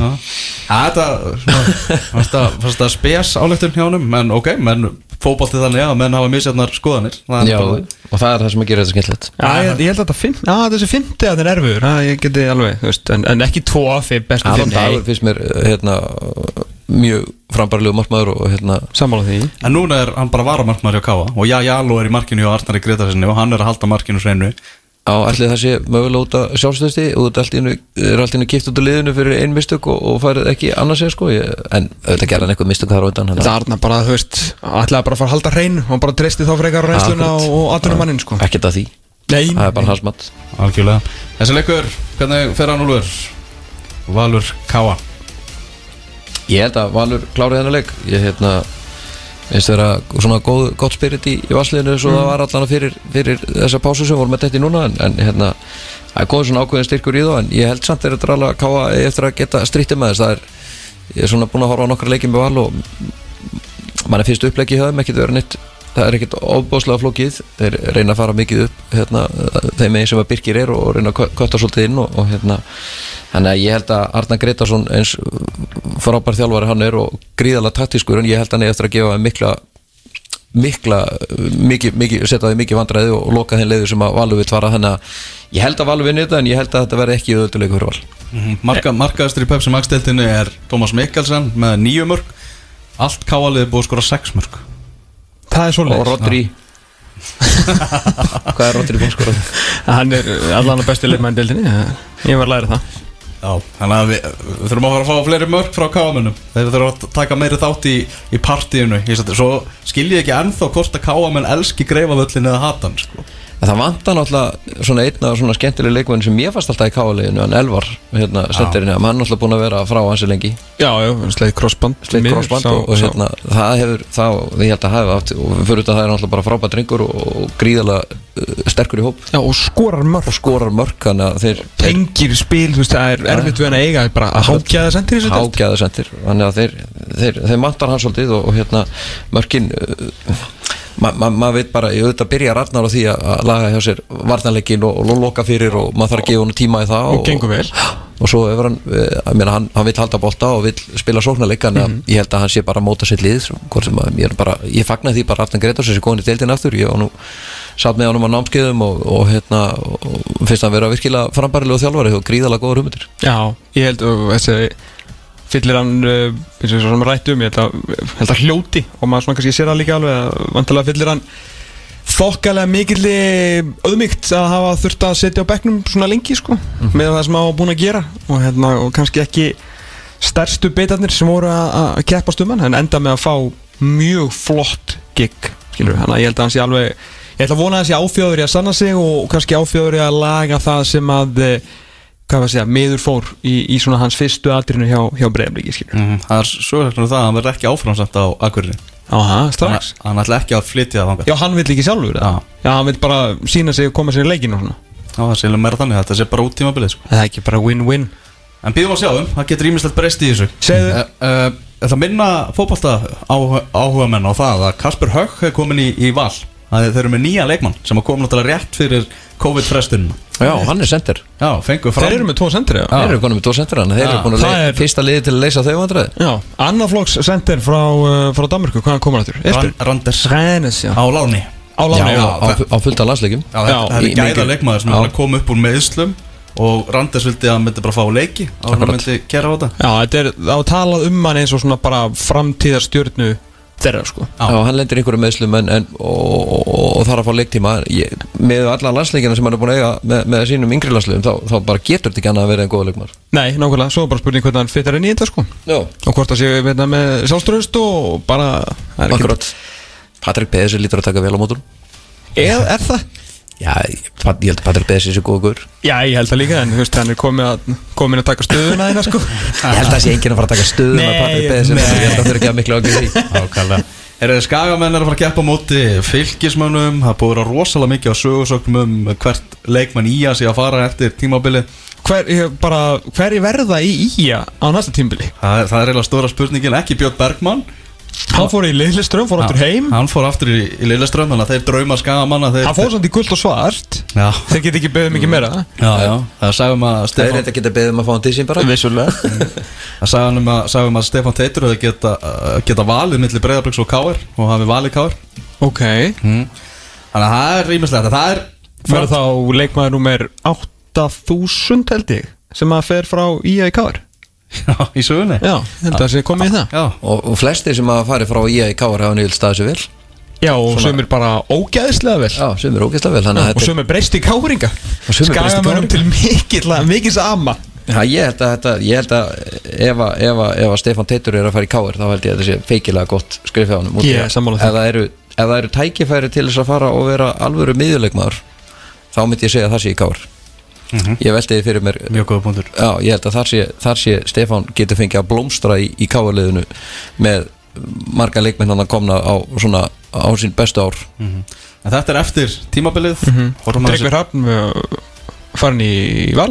Mhm. Já, hann líka, að hann er alltaf ekki búið að staðfesta neitt af þessu að maður veit en er þetta ekki samt Jú, eil jú, þetta er alveg Já. þetta er gerinelt Klappa og klart Michael Kjadmann til þess við fylki Þeir eru búin að fengu þarna Fullt af nýjum köllum í þessari deild Ah. Bara, vissi enginn að því 23 ára gammal örfættu leikmaður sem getur, getur spilað sem bakvörður og kantmaður þannig að fylgismenn, þeir eru að styrkja sig hvernig fer í að fylgir Úlur Ég fylgir, ég, ég hérna byrjaði að sjá fyrsta leiki með, með fylki í sumar á móti stjörnunni og hérna, mér fannst vera svona ákveðin kraftur í fylgisliðinu sem ég hef ekki séð ofta áður. Nei, Við rættum um tjara þetta fyrsta leikin, við vorum hrifnir af þeim Ég Já. og, ég og Ingo sko. Já, menn voru, menn voru svolítið að drulli yfir það á annar staðar, ég, var ekki alveg sammálaði Nei, ég, ég er sammála þér annars sko. Já, þannig ég, ég sá svona eitthvað, ég, er búin að fylgja, fylgjast með fylgisliðin í mörg ár og var sjálfur að þjálfa í yngri flokkum fylgis fyrir mörgum, mörgum ára síðan. Og hérna, mér varst alltaf vant eitthvað svona, eitthvað svona spirit í, í svona fylgis uh, umhverfið og, og svona eitthvað sigurvilja og læti bara, eitthvað svona kraft og, og núna finnst mér eitthvað fylgir vera konu með eitthvað svona, er konu með eitthvað gríðarlega ástríðu og fórta sér tæklingar og svo náttúrulega má ekki gleyma því að þeir eru að mínum mati með einn af bestu leikmannum ég ætla ekki að vera hérna, með rosalega stóri stil, með einn af allra bestu leikmannum úrastildarinnar, Pepsi-maxildarinnar sem er- sem þið vita alveg hver er. Ingi Kjell Já, nei. Valdimar Þór Ingi Mundarsson, já. Já, ég menna hann er geggjaður. Hann er algjörlega frábær. Þannig að það er, það er mikill kraftur í fylki. Ég held að, ég held að hérna, á, ég ætla, ég, ég, þið spáðum við síðasta spá hvernig myndi fara hjá fylki fjölni og ég spáði fylki sigur þar. Ég ætla bara að henda aftur í sigur á, á fylki bara út af því að svona það er eitthvað kraftur í ég er að fíla á Já, ég hérna held ég sé sammálaði sko. Ég held að sé að, sko, Skæin var svona umræðan um þá fyrir mót einhvern veginn var að þeir væri bara döður og þú veist, það voru ekki bara að setja á í fallsæti og það var bara eitthvað, það var voða yfir þessu öllu. Þeir skulduðu fullt af peningum og leikmenn voru svona næstu í að fara og þetta var eins og komuður inn bara með krafti, voru svona nokkuð flottir. Þeir eru konið aftur núna, þú veist, þeir eru búin að tapa uh, þremur röð í teltinni, búin að fá sig uh, hauga mörgum, eitthvað 14 mörgu eitthvað síðustu þremur leikjum Get ekki- Varnarleikurinn alveg hörm get ekki ba bara varist til að berga lífi sinu þeir vita að tveir eh, ekki bestu, heldur tveir langt bestu leikmennleysins fara Já, og, og kannski við að bæta þetta að leikmenninni vita að þeir eru að fara til tímbili hvernig eru þeir mótiveraðar þegar þeir vita að þeir eru að fara í, í, í liðin sem eru í, í öðru og fyrsta og öðru seti Og hvernig heldur að sé fyrir kollega en Jóa kalla Akkurat. emmitt að mótivera þá tvo leikmenn til dæmis? Halda þeim á tánum Akkurat, og einhvern veginn, veist, hann þarf líka alltaf að lesa skilur við bara, þú veist, are you with me? sko? akkurat. Veist, ég veit þetta er uppáldið skamin og sálsög gera allt fyrir skagan og bla bla bla, jólakaka skilur Mhm. en það er allt annað að vera, þú veist skilur berjast fyrir lífinu, þú ert að berjast fyrir lífinu. Báður verið í toppartun og næsta tímbilið saman hvað sko. Já, já, og, og örgulega að hækka tölvöld í launum og, og fá að njóta lífsins þannig að menn eru fannar að sjá, sjá fyrir sér góða stundir. Einu, einu tvöliðin sem að fengja á sig fleiri mörg heldur en skagamenn, þau eru að fara að mætast á morgun. Háká og Fjölnir búin að fá á sig 22 mörg hvort lið? Jesus Christ. Háká er þetta konu með Rásenberg frá stjórnunni lánaðana, annað ári í röður að fá lánaða varnamann frá, frá Star. Já, solid Já, þannig að það Hva, Hvað gerðist eiginlega fyrir þann leikmann? Mér, mér var svona veltið fyrir mig, ég, nú þekki ég ekki söguna en hann var geggjaður þetta fyrir, fyrir nokkrum ára síðan. Já, og svo, svo, hann bara, bara, svona drabbaðist eitthvað niður niður sko. svo bara hefur ekkert en ekkert. Ég vona að hann fái svona endur nýja lita. Ég, hjá Háká, ég, allavega fannst mér hann feikilega öflugur á sínum tíma og einhvern veginn það er engi stemning fyrir hann núna en, en Brynjar Björn virðist alltaf taka sénsinn á honum og vonandi sann hann sitt gildi fyrir, fyrir Hákalið. Já, ég ég er alltaf bara- bí í hverfinu þannig ég vil að Háká ná í sigra. Já, það er svolítið, þú ert í föllum eh, Nei, nei, ég segi það nú ekki. Fjö- Fjölnismenn er náttúrulega ekki búin að vinna leik. Ef þau vinna ekki þannig leik á móti HK þá geta þau bara að fara að búa sem til lengjudildina Já, já. Þá eru bara á, gröfum við þá. Já, það var þetta búið. Háká vinnur hennar leik. Ég er bara HK? Já, og ég er fullt að trúi. Já, ég, Ég hef trúið Háski Martins Annað, setur annað, þess- annað sem er að fara að mæta stemmi emmi vala litla val, sko. Þetta. Mhm. Hann er alltaf geggjaður. Það getur, það er bara svona gæði sem að klára svona leiki, sko. Heyrðu, svo er það uh, Tómas Mikkelsen í banni hjá Blikum sem er að fara að mæta Víkingum. Þú fagnar því? Það þarf að færast þarna leikbönnin og allt þannig Þannig að þið þurfum ekki að glíma við Mikkelsen Nei, það er líka einhver, eitthvað brasa á varnalínunni og svona, það er einhver meðsli í gangi sko, hann er rosa fínt að vera ekki með Mikkelsen. Hann er líka rosalega góður að dífa sér og fiska víti og fá að skora mörg rángstæður þegar hann spilar á móti vikingi og dómarinn er alveg var voða lítinn svona sens fyrir því akkurat þegar hann spilar á móti rauða svöstunni ég fagnar gríðarlega að uh, Mikkelsen fer ekki með þessu leiki og við ekki það, svona sem stundismöður Fyrir þetta er hann bara geggjaður í teiknum sko Þannig að Já, það hann er bara störtlaður sko en, en fyrir, hinn almenna áhuga mann í þessum leik, sem er ekki ég að þá er þetta mjög mikil synd því að þarna hefðu nátt að mætast tveir af tveir af þreymur bestu framöru deildarinnar þeim af fjórum bestu, þreymur uh, og hérna alltaf gott í, fyrir svona showcase leik ég meina tvö, af svona skemmtilega leiðum deildarinnar þau eru allan að spila fó- sem fótbolta á svona þannig að ekki gott en mjög gott fyrir vikinga Málaramistari með flötuna Ó, Ó. herru, ég held að vikingur sé svona Ég held að sé svona 92 6 3 með Ella á flutunni. Já, Cirka bát Gary Martin taldi. Já, Darri, hver, við hérna við ná- spyrir stendir? Breiðablík Á morgun? Já. Ennison, ekki? Jó Er það ekki? Já, ég myndi alltaf það. Já, ég held sem ekki. Er ykkur annars að kemur ykkur eina? Ég held ekki. Er hann ekki bara Og, og, og hann ekki að skora á morgun? Já, þetta voru nú kölluðu nú hérna Stefán Inga úr Grindavík. Herru það, en hann starta hann svona ekki Nei, það starfst það ekki, það er, ég held að það sé alveg klátt mál. Herru, Óskar Hrafna hann Kallaði bara alla heim. Allir konur heim, hann ætlar að vera með allan hópin Ekki Karl. Ekki, nei, ekki Karl Kallaði hann ekki tilbaka Það er svo sem Ólaf- maður sem er búin að skora fjögur mörg í Pepsi. Glu, glu, Glukkin er ennþá opinn, sko. Já, gleym Já, því ekki. glukkin er það opinn. Gústi Gilva er sveitt. Bara alltaf þegar símir ringir þá lítur Gústi bara og ef hann sér Óskar Rapp þá bara svarar í voicemail. Já, svarar ekki.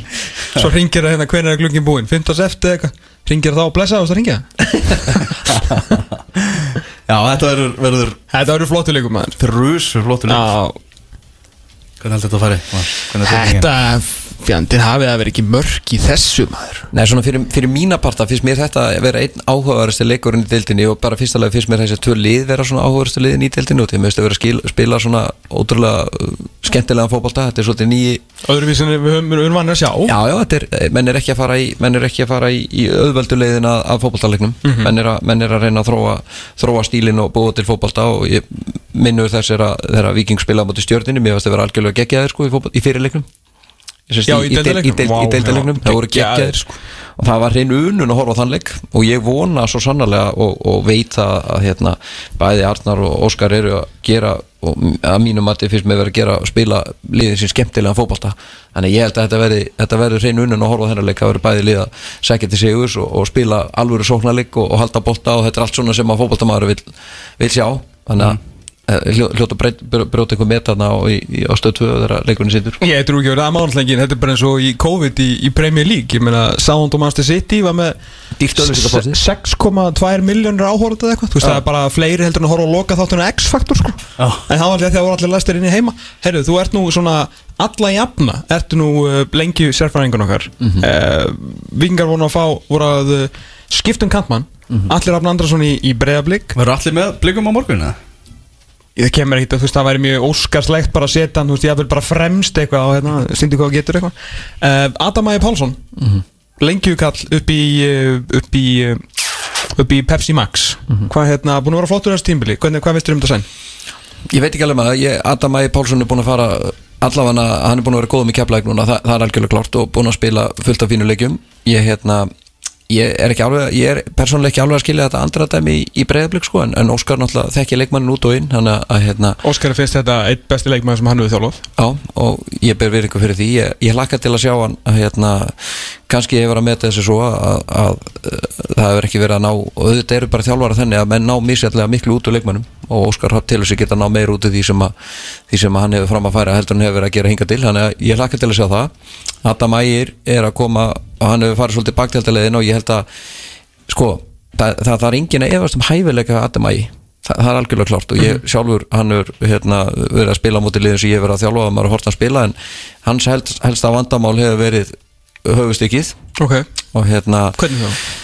Já, kannski hefur metið sér svo hann væri mögulega komið lengra í fókbalta heldur hann var. Mm. og hérna ég held að með það sem hann hefur sínt núna og það sem hann hefur verið að verjast í fókbalta og, og hérna ég er búin að sjá hann spila tvo leiki sumara sem hefur verið virkilega frambærlur þannig að ég vona að hann hafi lært af þessari laungu leið sem hann hefur þurft að fara og er komin í pepstelta núna. Þannig að ég held að og mér sínist á öllu að hans er búin að taka ákveð þroska skref í, í, í sinni nálgun á fókbaltan og það því að að þegar þú ert á, á þeim stað að þú heldur og sért með fókbaltan algjörlega í vasan og kunnir allt sem þú þarfst að kunna þá kemst ekki langt áfram en ég held að mm. hann hafi vantalega með þetta á einhverju tíma og búndi að hann þýrti mögulega að fara að hérna, taka, taka þeir áleggingu sem eru í bóði og, og, og ég bara fagna því þegar leikmenn snúaðu bladinu og, og meta þessi svo að þeir þurfu mögulega að læra þeim sem, sem getur kentið með það Já, ég held að þetta sé hljóta að vera ákveði vinnum fyrir, fyrir alla sko því að það er ljóst að Allir Arn Andrason hefur gert sárlítið fyrir Viking frá því að, frá því að hann kom.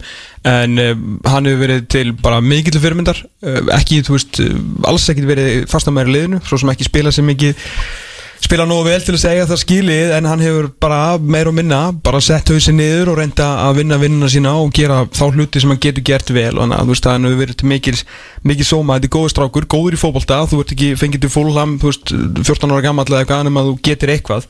Eh, við höfum séð Óskar Rappn eh, kveikja á einum svona döðasta leikmenni sem við höfum séð á síðust árum, Kristins Stendurssoni þannig að eitthvað kann hann fyrir sér í þjálfun. Þannig að þetta Hlýt. Hann er líka búin að kveikja á, á Gísla Íjóls Gísla Íjóls er búin að vera geggjaður, það var algjörlega sljótt á honum Já, algjörlega, það var kannski eitt ár þetta var kannski meira sex ár hjá Kittastendó sko. en, en ég menna að þú veist fortíðin er samt engin hjá alla þú veist, Kristinn var geggjaður í sinni tíma þannig að kveikti aftur í honum. Mm -hmm. nú þarf hann bara að kveikja á alla Ég raun og hann þarf bara að sína, sína já, hann, hann þarf kannski frekar ekki að segja kveikja, hann þarf að virka og þú veist, hann þarf að fá hann til þess að gera eitthvað inn á fókbaltöfelli með Uh, já, þú skilur, leik eftir leik eftir leik með fullónu kallmennum, skora nokkuð mörg og hörku góður í fókbalt og allt það. En eitt í, hérna, þannig að bara ég, ég fagna því að hann komist til einhvers sjálfur sem hefur blúsandi tróðunum eitt samt ég sá að hérna, Lukas Arnold sem satt uh, brekki í sérfræðingurnum um Pepsi-magsteldina hann er alltaf jákvæður kakvort öllu sem að gerist í þessar deld og það er allir leikmenn geggjaður, hann skiptur ekki máli hvað er að hafa gert.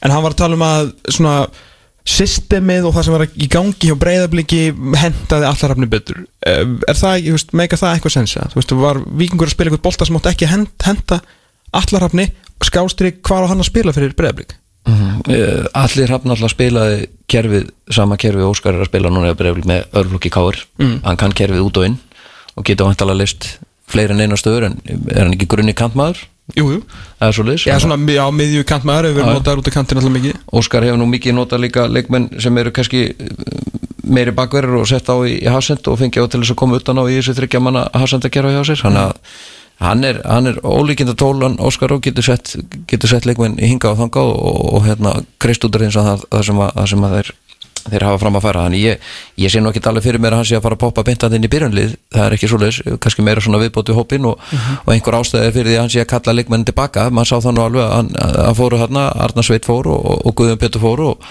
og hópurinn var kannski eitthvað farin að þinnast þannig að ég veldi fyrir mig hvort að þetta sé uh, þess að stansi að taka leikmann inn til þess að fara beint í byrjunlið, mér finnst það mjög ókvæmt það er er enga sko. líkur því, þannig En að- svo líka er þetta, þú veist, þetta var bara skinsamt hjá, hjá öllum. Ég meina, allir hafnum að renna út á samningi Hann var búin að ákveða að fara í breyðablík Þannig að vikingar fengu, þú veist, skilur eitthvað snúð með glasúr fyrir hann. Á sama tíma var Adam Ægir Þetta er svolítið smooth. Allir komu, eða sérst, allir. Keflæk náttúrulega missir góðan leikmann og fær lítið fyrir hann En þessi tvö efstöldlega félög græða svolítið á þessu. Mm. Breiðablík fær leikmann sem að þjálfurinn hefur trú á Og vikingarnir fá, já, spennandi leikmann sem að getur nú kannski ekki gert minni heldur en allir. Og leikni fórskursverið missir einna sinni betur mönnur sem var Já, Kristofa Bál, hann fyrir áttur í geflæk þannig að er svona, Já, þetta er, þetta er, þetta er er helgan alltaf einhver sem tapar er það er alltaf, er öllu. Það er svo bitnar á einhverjum. Það er alltaf áhorfand að bann.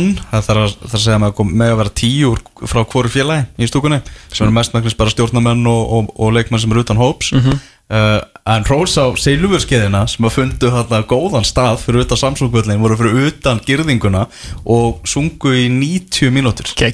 Gekkjaður Það er virkilega skemmtilegt Þannig að þeir fundu leið til til að hvetja sína menn áfram, reynda að duði bara til jafntefli sem það er nú sem Herðu, við skulum fara að vinda okkur yfir í lengjudeldina en það var náttúrulega svakalegur fótballtalegur í gær þar sem að fram og IPVAF áttist við. Fjögur, fjögur jafntefli, þetta er fjórða jafntefli uh, eigamanna í síðustu fimm leikum er ekki fram líka búin að gera jafntefli síðustu já, Já, þrjú í síðustu fjórum. Já, er ekki? Já, mikið, mikið jafnteflum, þannig að þeir, þeir héttu bara áfram á svona braut, þannig að þetta var ekkit óvænt. Nei, En Þetta var alveg þvílíkur leikur Fjögur, fjögur þar sem að framarar Jafna þarna í uppbótar tíma Aron Snær Ingarsson sem að, sem að Gerði það, það var veistla í, í sambamirinni í ger Já, þú veist, en samt íbjöð aflið, ég meina fjögur jafntefli er vissulega ennþá eina ósigraði liðið þessari deild, en þetta er svona, þú veist, áfram þröngt á, þröngt á topnum og nú var náttúrulega leiknir uh, leikti góða í dag á móti, hverjum heldur þú? Ég held að það sé á móti Þór. Þú myndi halda að vera á móti Þóri á Leiknir TV með það í benni Herri, já. Ég, ég að lýsa það. Er ekki, hver, er þú að lýsa? Já, já, já. Býtu, er þetta dýrar típa? Þetta er dýrar típan, það er bara Og sko, hver- bylt, bylting í sjómasbransanum í, Og í það dag. er svoleiðis. Já. Er þetta á Facebook eða YouTube eða?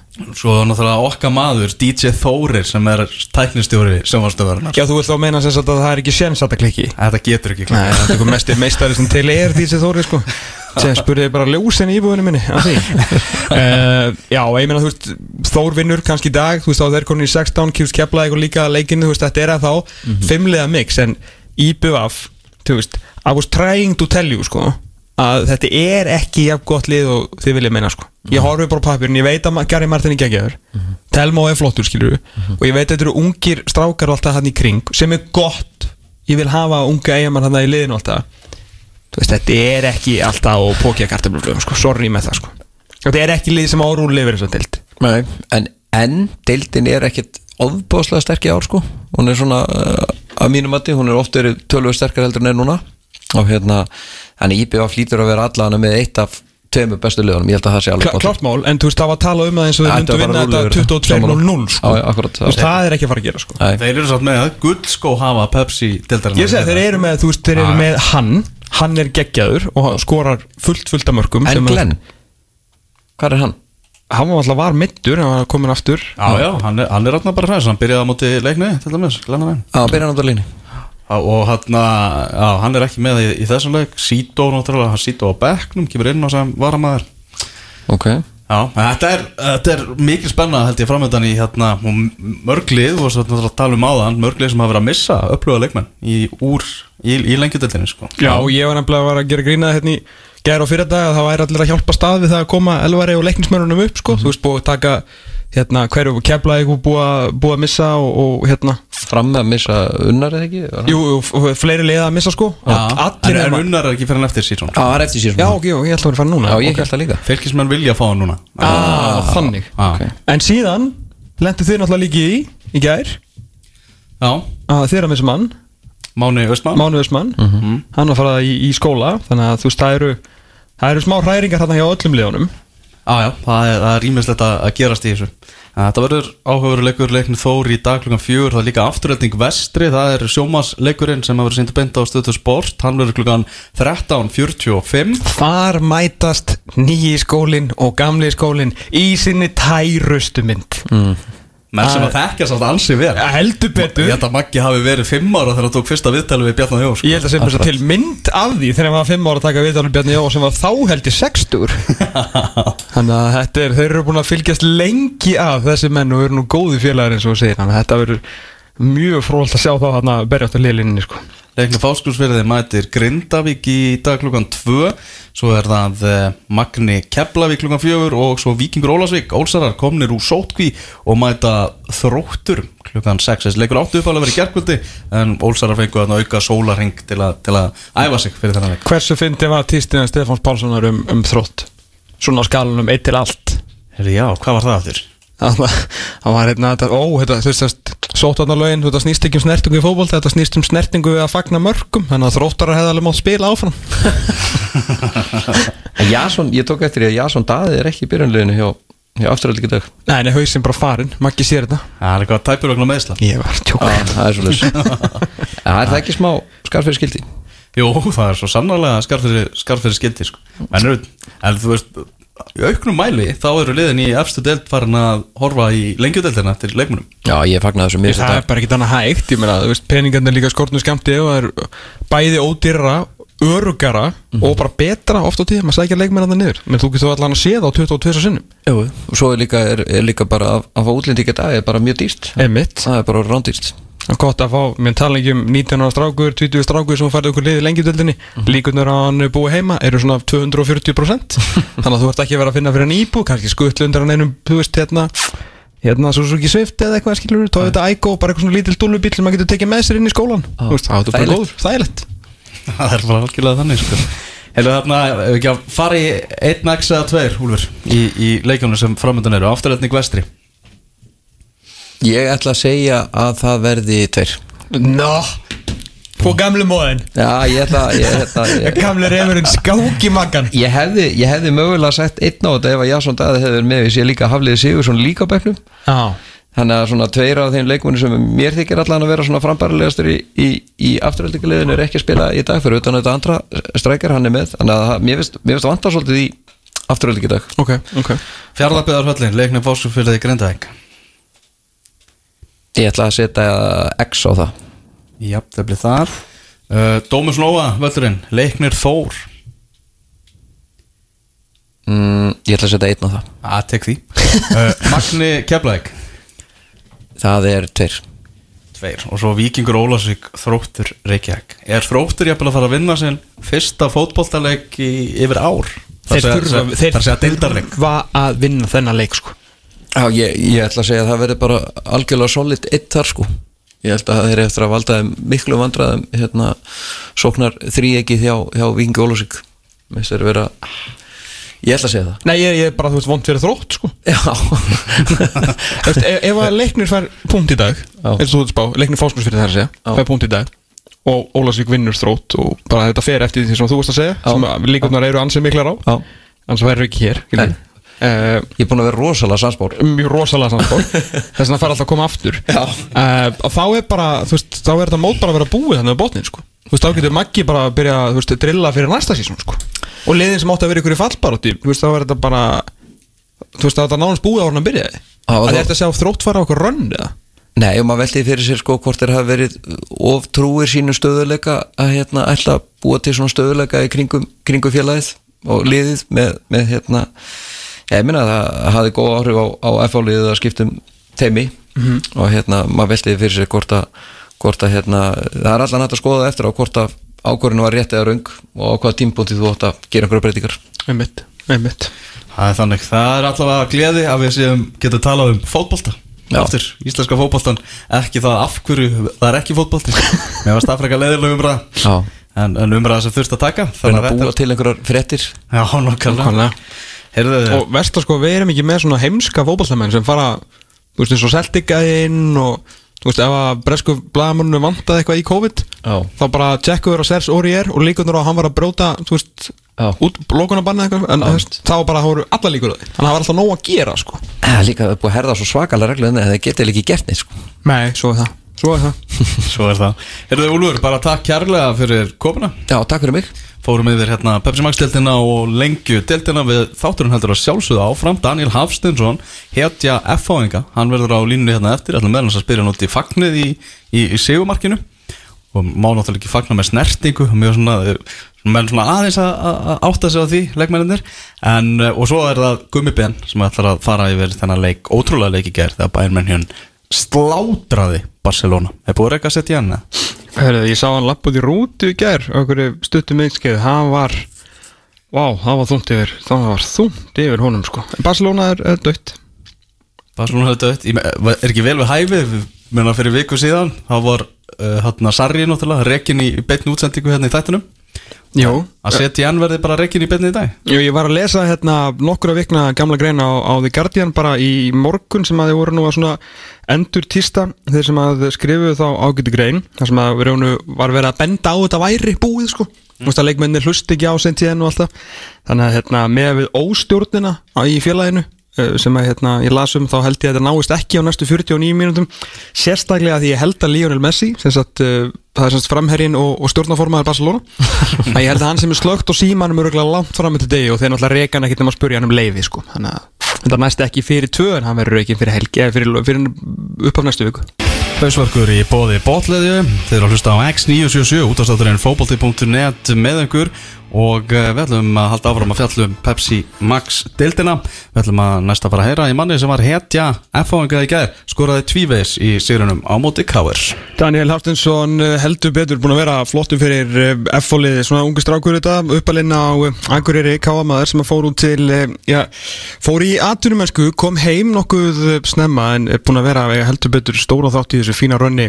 Þeirra F-fóinga 10 stíð af 12 mögulegum síðustu leikjum eftir að logi og Eður mættu sömulegis komnir áfram í byggarnum þannig að það er búið að ganga nokkuð vel hjá þessu nýja teimi, við verðum að bæta við sig líka nýju leikmennum, ekkert Gunnþór í liðinu gær gegn Káur þegar þeir tóku þetta sem að, já þennan leik sem við köllum nú alla jafna El Clasico. Daniel, er á línunni, sæll og blessaði Daniel. Sælir blessaði Herru, fyrsta spurning, hvernig, hvernig svafstu í nótt? Herru, heldur það bara það ekki? Þetta var, þetta var ljúft í gær skora tvöum á móti Íslandsmestrunum og, og ákveðin skilabóð svona sem þið kannski F-fáingar senduði í gær. Já, algjörlega. Það var geggja, gott að koma einhverjum mörgum inn og þess.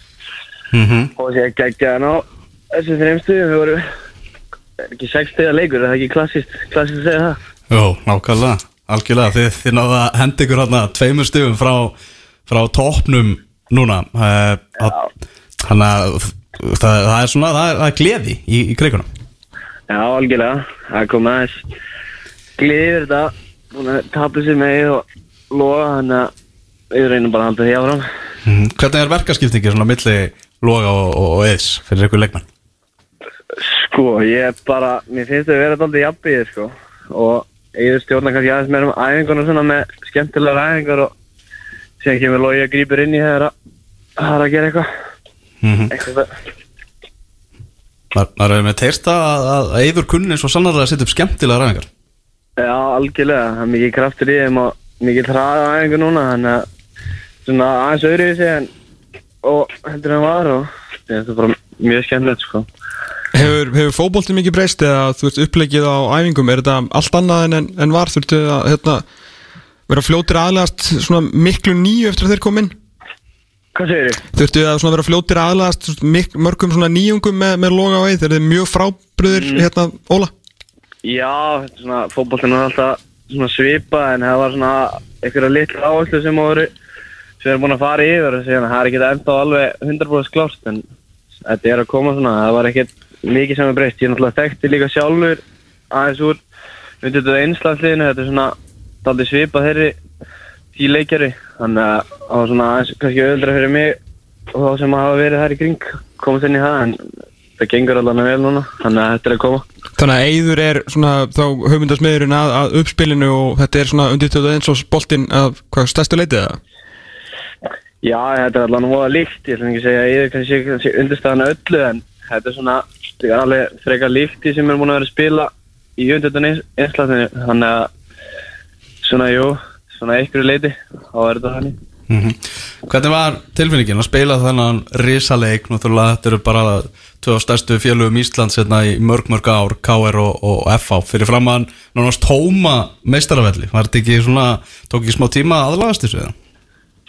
Jú, næ, þetta var svona, þetta var alveg eins og alveg leikur, maður hefur þetta alltaf í svona haustum að leikurinn er síndur í sjóarpina, þannig að það er alveg verið að fylgjast með manni en það er alltaf eins og öðru sem er að það heyrist ekki neitt í stúkunum nema Jón Rúnar að öskra eitthvað hann þannig að það er enda svo sem ekki nýtt. En nei, nei, maður setur sér bara í gýrin og svona persónulega finnst mér þetta náttúrulega þessu öðru en ég alveg kemst alveg í gýrin að þetta sé alvöru leikur og þetta er F og K þannig að svona tók ekki alltaf mikið eftir Mhm. þannig gær sko Bara, bara frábært að, að fótballtin sem byrjaðar aftur að, að rúla og vonandi koma áhörðundir sem, sem fyrst með.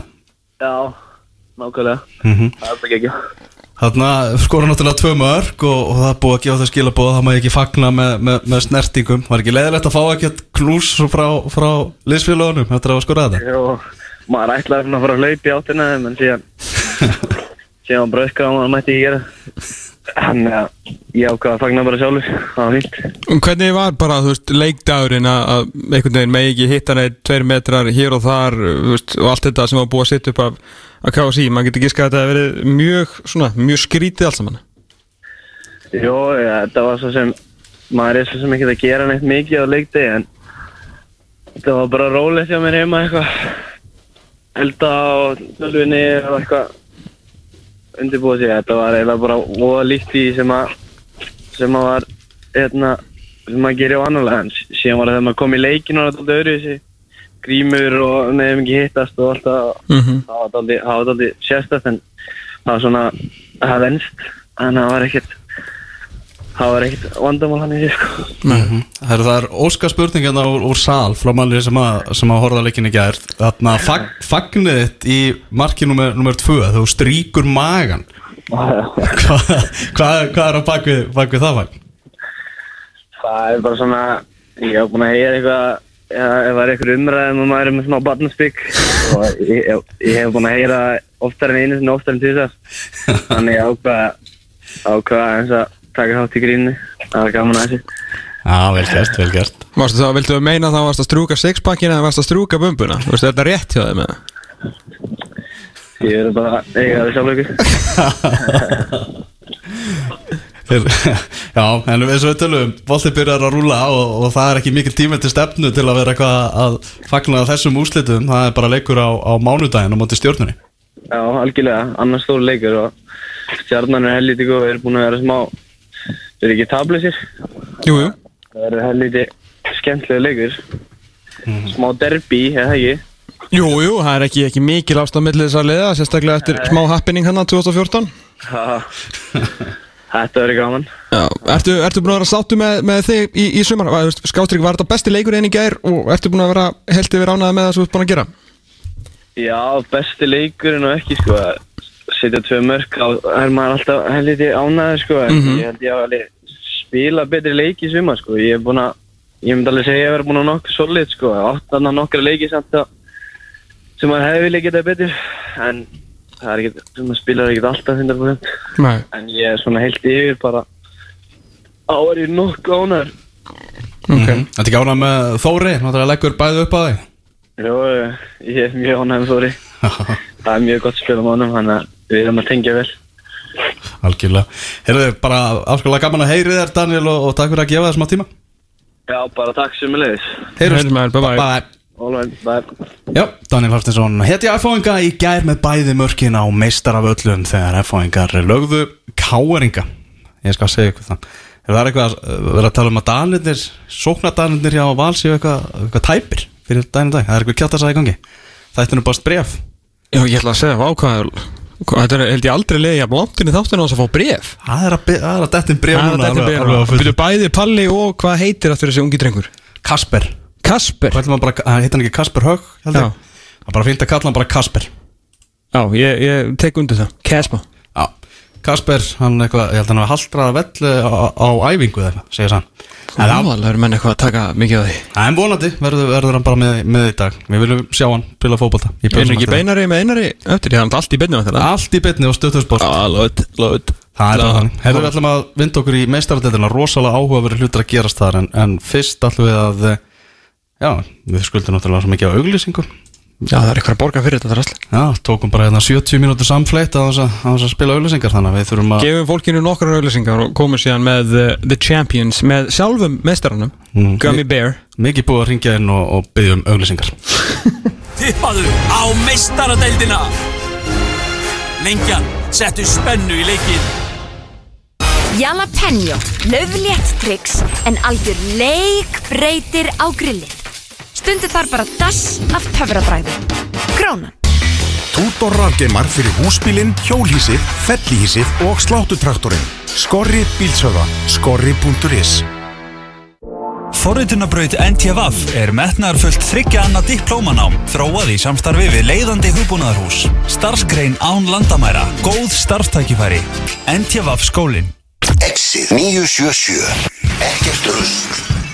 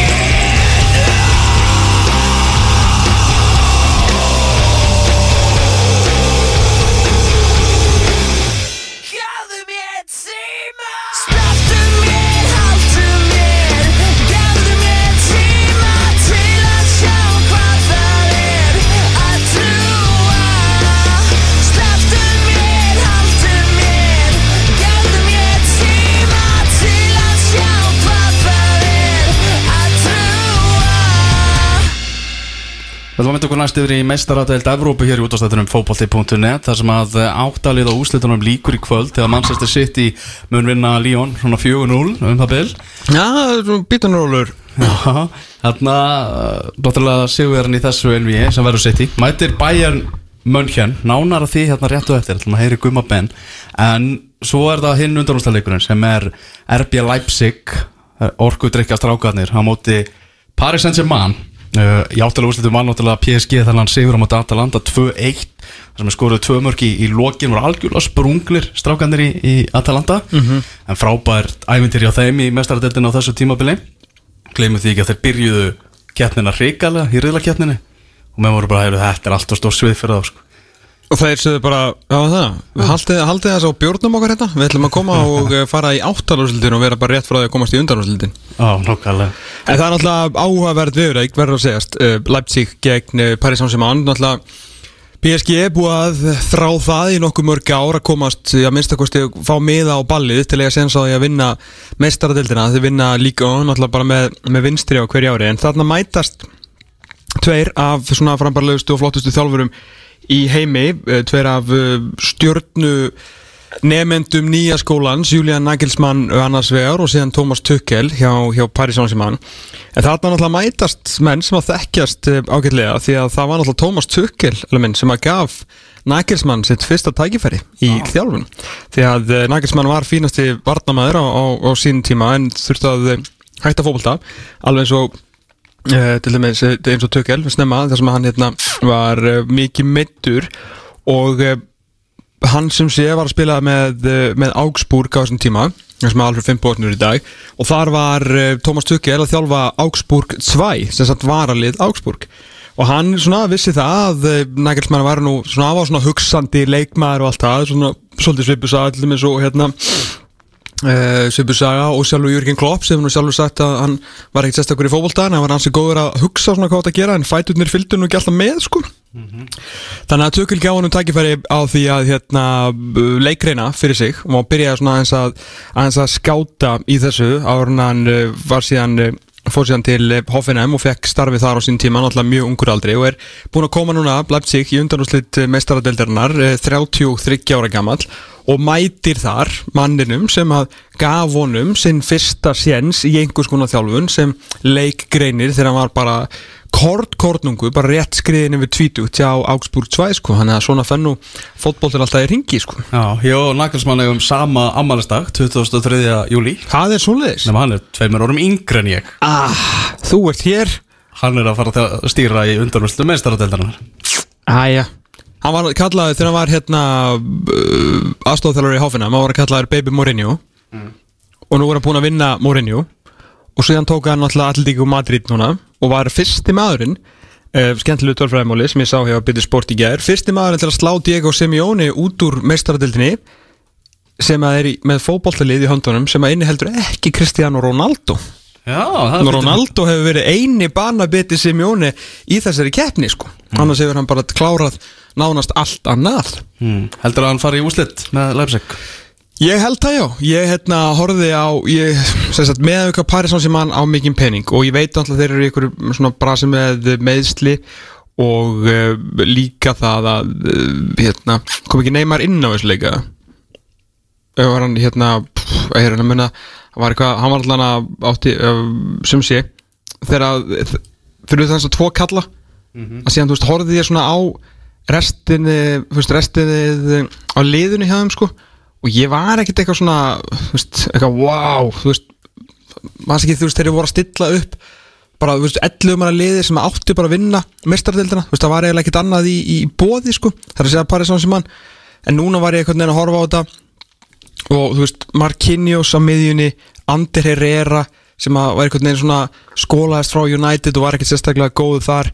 Uh, Idrissa Gana Gay, þetta eru góði fótboltamenn sko, þetta er ekkert eitthvað svona eitthvað svona stjörnum prítt fótboltalið eins og Paris sem mann far bara fyrir nokkur mála þegar voru með, þú veist, Verratti og okkur svona gæja miðunni uh, veist, ljómandi fint lið, þú veist, Juan Bernard sem að, þú veist, var náttúrulega líka bara svona uh, skólaði spurt frá bæinn því að það voru betri vinstri bakverði þar en þú veist, hann er yfir náttúrulega með, veist, og Pablo Sarabia og eitthvað svona dæmi, sko, hann er mér fannst ekkit mér finnst þetta ekkit jafn eitthvað sturla lið þetta var kannski fyrir einhverjum einn, tveimur árum en við erum náttúrulega mikið um að það vantar þarna uh, eitt svona Kylian Mpappi og svona sko. Hann kom inn á bekknum. Ég segi að þú veist, hann er ekki ekki í svona besta standi búin að vera meittur Þannig að og ég hef líka bara bullandi trú á, á þessu Leipzig-liði undir stjórn Nagelsmann sko. það er ekkit eðlilega gaman að, að horfa á það. En það var fótballtalegur í gær í áttalegu úrslutum Bayern Mönchner Barcelona, hvernig fór hann að þér? Herðu, uh, hann fór rosa mikið uh, lítið.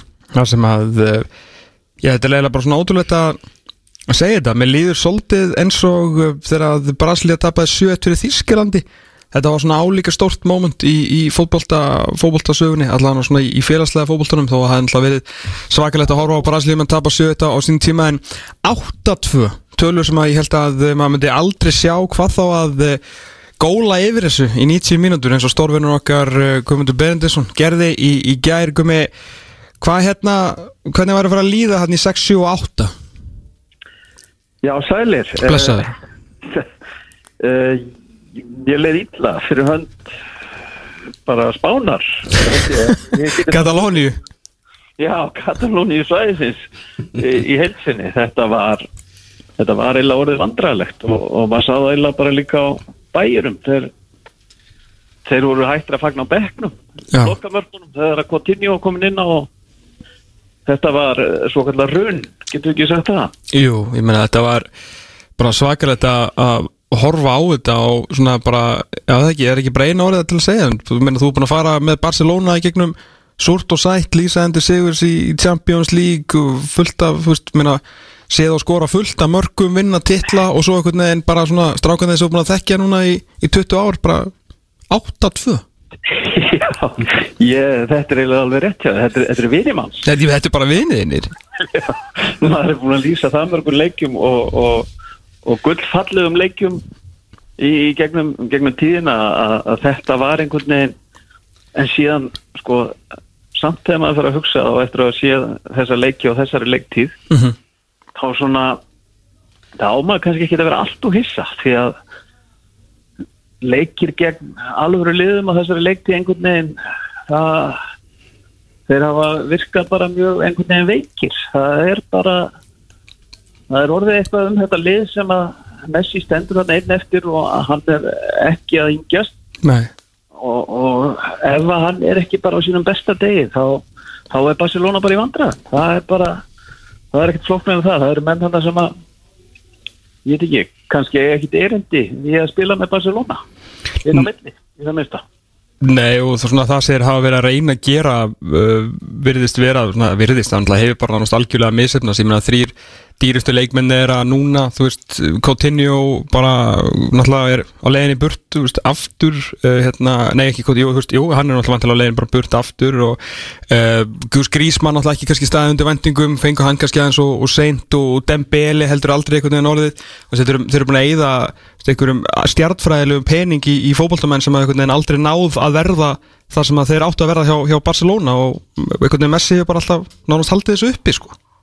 Það er bara einmitt hárétt, hárétt mittið og, og, og síðan eftir með Jasuaris sem að er komin yfir hæðina, ég held að getum alveg sagt. Mhm. það og, og Busquets sömu leiðis og ég veit ekki, þetta er, þetta er eitthvað voða þetta er voða brotætt og síðan eru þjálfaramálun ekkert að hjálpa til því að það ekki það að ég hef trúið því að þessu auðvelt að vera þjálfari Barcelona aðstofþjálfari, Messi þjálfari. Já, eða aðstofþjálfari hvernig menn kalla það þá er það alveg fullstarf og, og ég það þarf eitthvað mikið að breyta þarna þannig að Barcelona verður bara í lægi á, á næsta ári því að þetta, þetta er óbúslega veikt allt saman og, og hérna eins og ég segi, þegar þú ert með 30 og hvað, 30 ára gamlan Lionel Messi sem að verður að eiga sem besta leik af því að ég, ég bara segi það eftir að hafa líst þessu leik í gæra það var ekki eins og bæinn var að spila fullkonlega í því að það voru svo sannarlega tækifæri fyrir Barcelona að skora mörg og, og bara hendi þessum leik upp í algjör að villisu sko, sem að þetta varð en, en bara í einu á Þetta, þú veist hversu erfitt heldur að sé að vera með gæja eins og, og Lionel Messi í liðinu þegar að hlutin er ekki alveg að ganga upp. Ég meina ógeðslega gaman að þeir meðan þeir voru bara með MSN og þú veist þeir unnu bara titla og spiluðu bara fallegasta fótballtamöðuna sem við höfum séð, séð alltaf þú veist fer við liðið að eldast og Messi kannski að einhver leiti heimtar það bara þú veist þessu kefta stjörnur og partíinu sé svolítið haldið gangandi. En á sama tíma alltaf hefur þú veist mistekist rosalega að setja inn þessa skilur næstu kynnslóð af, af Lamasíu strákum, þú veist það er engin þú veist Sergi Roberto varði einhvern veginn aldrei það sem hann átti að vera og allir þessi gæjar sem, áttu, sem við erum búin að vera að fylgjast með þegar við vorum að lýsa Barcelona kannski inn í 1-2 leiki kom gæðin sem að hétt næsti inn í esta, næsti þetta, næsti hitt eins og urður, annarkvort, sko urðu ekki neitt eða kannski fengi ekki tækifæri til að vera að það bara, það var bara stjörnu fanns í hverju meinasta leikinu, sko. Já, já, ég, ég held að það alveg rétt. Ég held að það sé hræðilega að vera þjálfari og, og vera með já, þennan leikmann sem að veist, ekki bara kannski besti leikmann heims, þetta er bara sögunar Mhm.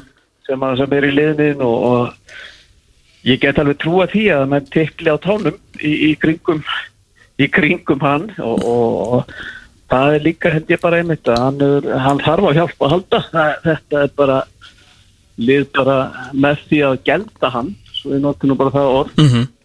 þá hérna þá slöknar á öllu liðin og, þetta lið er ekki að fara að vinna einhverju leiki bara 1-0 með því að verjast því að liðið fær alltaf á sig mark.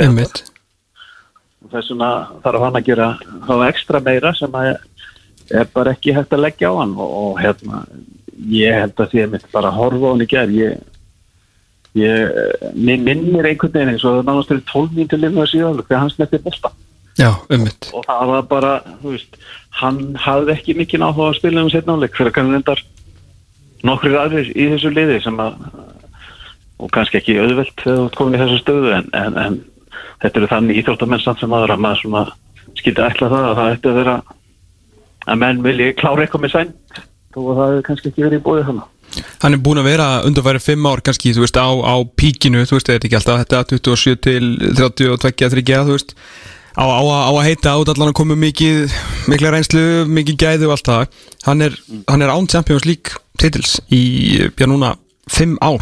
Þú veist, akkurat þegar hann er á að heita á hátindunum, þó hans hafi svo sem auðvitað verið á bara hátindi heims og games í tíu ár skilur það, 12 ár. En þetta, er alveg fimm ár frá, frá Champions League til og þetta, þetta skiptir hann alveg máli. Hann er vantalega, vantalega veist, það sem að maður les baku tjöldun og svona, hann er orðin verulega þreyttur, helduru að eh, hann taki ykkur ákvörðun um að taka nýtt skrif á sínu ferli? Ég hef ekki trú á því. Ég, ég er satt að segja held bara að eh, það verði reynd áfram að, að byggja eitthvað í kringum hann uh, í þessi loka ár sem hann á eftir og, og hérna ég er óbúslega erfitt með að sjá hann. Ég, ég myndi fagna því innilega ég myndi sjá hann fara í einhverja nýja deil hvort sem það var í England eða eitthvað þess áttar að bara að sjá það, hvernig það virkar. Þó að það sé kannski aðeins orðið seint en, en, en það væri væri draumur bara fyrir knastin áhuga menn að sjá svona hvernig þetta eru ennþá nokkri sem halda að hann geti þetta ekki á blötu göndum stó en, en Já, tjópa móting gata og gata líka í meistaröldinni, þannig að lítur messi ekki það? Þannig að ég en svona því miður þá hef ég ekki trúið því. Ég held að þetta verði bara hans félag og hann taki hérna tvö ég var að segja tvö tíma blífið út kannski þrjú eða gengur vel en, en ég held að það verði bara eitt eitt, tvö í viðbót því miður ef að, ef að Barcelona ætlar ekki að girða sig aðmjölega bara sem félag. Því að það eru það eru alls konar vandræði svona einhvern veginn í kringum félagi líka og Já. stjórn og fórseti og þetta svona verðist allt hafa áhrif á, inn á völlin og, og hérna, það er algjör synd því að við erum að við erum með þennan leikmann sem að, sem að við erum svo heppin að fengja njóta bara í allan þennan tíma. Já, en einmitt, þetta er ógeðslega gaman að með þetta velgengur um leið og missir skilur glöðsinn í gólfið og þá, þú veist, það bara brotnaði og brotnaði með, með stæl, sko, ég meina, það er helmingurinn á stjórnuna spartu með og er, er farinn þegar þeir veginn ráði ekki við þetta og þó að Messi sé nú ekki kannski hann er kannski ekki beint í sama svona public dæmi og, og Cristiano Ronaldo. Og þá vitum við bara eftir að hafa, þú veist, lesið og heyrt og hlusta á, á pondita og gömulviðtil og allt það hann lætur alveg heyri í sér á baku tjöldin sko. og það er kannski við raun og veru miklu verra heldur en að að hann væri eitthvað, eitthvað svona public fígúra sko. hann er lætur alveg menn heyra og hefur sterkar skoðanir og öllu menn þóra ekkert að fara á mót honum Já, hann, hann er ég þekki nokkra sem eru þannig sko, sem eru ógeðslega frekir en fara vel með það fara vel með það leini frekir leini frekir sko. það er margir sem haldur sér ekki frekir en þeir eru mjög frekir Mhm. og hann, eins og, þú veist, eins og ég sagði á hann, þá, er hann og ég held að sé erfitt að vera með hann því að hann stjórnar líklega öllu. Þó maður sé ekki einsta koppi þarna þá, þá held ég að sé ekki tekna margar ákvarðanir ákvarðanir innan Barcelona sem að hann er ekki alla í það minnst að spurður aðeins eða aðtöða hvernig, hvernig Messi líst á það. Og, og hérna það getur orðið mjög erfitt líka held ég í félagi en, en þú talar um partí sko, þú veist að glösin og þetta, þú veist partí er bara búið þegar Já, jú, þetta er alveg eru er brotin sko og ef að síðasta, flottasta glasi er að brotna líka þá, þá, þá eru heldur betur vandræði. Þá er voðin vís sko Ég með þetta var bara ljósin kveikt og ég komin heim og bara allir leigubíl sko, þetta er bara, þetta er búið sko. og hvað snemma út af COVID. Já, veit, bara 23.00 sko. Já. En þetta, þetta bæjarlið, Guðmei, það er náttúrulega að fara að spila á, Já, það er mikla líkur á því að það sé að fara að spila mútið mannsætti sitt í undanúslitum uh, Þetta eru tvö sigur, sigur stránglegustu liðin í, í keppninni að mati, mati veðbanka. Þetta getur orðið svakalegur undanúslalegur Já, það er alveg ljóst. Við höfum hins vegar eftir að sjá sitt í Líón í kvöld og, og hérna það er nú ekki lengra en hvað, er rúmlega árið að síðan að Líón fór bara til mannsýstur og vann þar í, í var það ekki bara í reyðlakefni Jú. Og, og hérna þannig að, og þeir slóðu Juventus sem bara einmitt er með eina stórstyrnuna og ætlaði sér stóra hluti þannig að ég veit ekki, það, mér finnst þetta þó ég vilji ekki fá þennan farandur mikið þá finnst mér þetta að gefa okkur aðeins svona ekstra að við séum bara með liðin í einu landi og einn leikur. Að æ, þetta er svona gefur þessu auka að við getum fengið óvænt óvænt ústitt heldur en að þau eru tvo leiki og sterkar lið vinni alla jafn og svona ef það eru tveir leikir þá þá er ég ekkert búin að afskrifa það. Ég myndi að liða eins og Líón og, og, og Leipzig, eh, þú veist þó að verðbanka séu með, með City og, og, og hérna bæinn efst, ég skil fullkóla að bæinn sé efst. Já, já, ég ætla að segja allt í lagi. Við erum búin að sjá það í þessum leikjum og bara frá, frá áramótum að, að þeir bara vinna leiki og, og gera það með stæl. Og þetta, þessi nýðurlæðing sem að þeir bara bjöggu til í gær maður þarf að vera ég ætla ekki að segja veikur en maður þarf að vera með slæmasjón til þess að, tippa ekki á bæinn held ég. Það er bara lítur óbáslega vel út og hann bara viðtalið mulleir hérna eftir leik það er með bara að þeir viðast verið í góðum gýr saman. Þe, þeim líður vel saman. Það var svona einhvern veginn tilfyllingin eftir að það séu viðtalið vel Já, nákvæmlega En er ef við þetta tala um þetta fyrirkomulega Mér er svolítið líka að vera, vera nánast bara að bæta mann svolítið upp að, að EM Allstar fari ekki fram á, á þessu ári með því að hafa svona þetta seg, í svona stórmóta feeling sko. Já, ég er alveg sammála því og það nema bara áhörundur, það, það er að, það sem maður vantar náttúrulega á þetta og þið þekki það líka sem, sem lýsendur að Mhm. þetta það er tekið óbúslega mikið af manni þegar það er engin stemming kannu sér þó að sé einhver á tökkum að reyna að gera eitthvað. Og að, þá er þetta þetta tekur svo mikið úr leiknum og, og maður getur rétt ímyndið sér bara sem leikmaður hvað, hvað þetta er öðri svo og ég held að sé eins og við erum að tala um bestu leikmenn heims eins og, eins og Messi til dæmis að, að þetta eru, þetta eru síningavélar sem að þrýfast á því að bara vera með fólkið öskrandi á sig og svona og það tekið ótrúlega mikið held ég og tekið líklega meira af þessum best að, að það sé ekki áhrundur á, á þessum leikjum. Jú, ég myndi það bara eins og fyrir Ronaldo ég meina mann sem að er elskaðar af mörgum hataðar af ennþá fleirum þú veist, að því hann er svo góður sko, gæði sem að þrýfst á því að láta baula á sig skilur jafn mikið og lætur klappa sko. Veist, að, bara gæði sem að sígur orku úr stúkunni og svo skóra hann með í hólastarspilnu og horfur bara upp í stúku og bara, hvað voru búin að gleyma hver er það, það, er ekkit svona edd sko Nei, nei, og það er svona það er það sem er að pyrra mig þess að dagana, það er bara ég vil áhörundur og, og ég þrái áhörundur á þessu leikjum og, og getur rétt ímyndað mér að þessi leikmenn þetta sé að því að mamma hann alveg eftir þessu leikjum í Egilsvöld bara, þú veist það sem eru sjö það reyndar alltaf fleiri þeir spilum við leikni það, því að það var alltaf einhver úrslitaleikur fyrir leikni. En, það var alltaf fjöldi leikni sem var á bregðastinu en, en þetta er, þú veist það er svo mikill einhvern veginn æfingarleikja bragur. Já, en bæinn er að mastera það hins vegar að, spila þessa leiki. Já, algjörlega, veistu hvað leikmaður ég held að hefði algjörlega dáið í þessu situationi þráttur að hafa verið á hátindunum á þessum tíma. Ró, Ronaldinho. Já, ég get reyndar alveg tekið til það því að hann var alltaf upp í stúku líka. Ég veit að hafa bara svona, þú veist, allir all eyes on me hérna Nákvæmlega. Gott að var ekki að tjekka einhverjum stelpum líka. Jó, kemur kemur ekkert á óvart sko. Og Þannig típa Já, bara, bara fair play, þú veist, bara gekk vel hjá hann mörglega þessum tíma og bara flottur sko. Það er ekki hægt að segja neitt annað. Nákvæmlega. Geggjaður. Geggjaður. Mann setja sitt í Líón í, í beitni í kvöld Svo er undanúslit ekki þriðjudag og miðvöggudag og úslitin á sunnudag Langum mér að segja, er það ekki rétt um mér? Ég held að þetta sé bara hárrétt hjá þér. Geður okkur deilt Hvað, sunnudag og mándag Nákvæmlega. Er mm Ekki amalegt, stanslöðis uh, fótbolti gummi, takk kjalla fyrir að gefa smá tíma, alltaf gaman að heyra yfir Takk sem leiðist, Rikir Takk, bye bye Takk, bye bye Já, þetta var uh, Gummi Bell sem að lísti þessum ótrúlega fótballtaleiki í ger Ég var nefnt að kíkja á þú veist mest lösnu fréttinnar á, á .net. Mm. Top 6 eru allt tengdar þessum leik sko. Fólk var bara að reyna að leita skýringa held ég sko. Já, ég held að þetta sé hárreitt með því að bara fólk vildi spella okkur á frétt og það myndi standa bara af hverju þetta gerðist. Þú veist, ég er bara sama með til að vitna aftur í Brasilia Þískaland Það voru allir svona fyrst voru allir allir að vona um að einhver frétt myndi segja grín, leikurinn er að fara að byrja. Mm -hmm. því að alltaf skildi enginn hvað það er gerst. Og þegar þú horfir á fótbollalið við Lionel Messi í áttalegu meistardeldin að tapa 8-2 þá ertu náttúrulega bara ha? Þú veist, þá bara fatt og bara, þú veist, kerfið bara skilur ekki svona bóð, sko, þetta er bara vitleisa mm -hmm, Akkurát Ef, ja, nú er útastættinum að ljúka og ef þið eru að pæla hvað á ég þá að gera ég vil meiri fótbolta, þá er afturölding vestri farin af stað.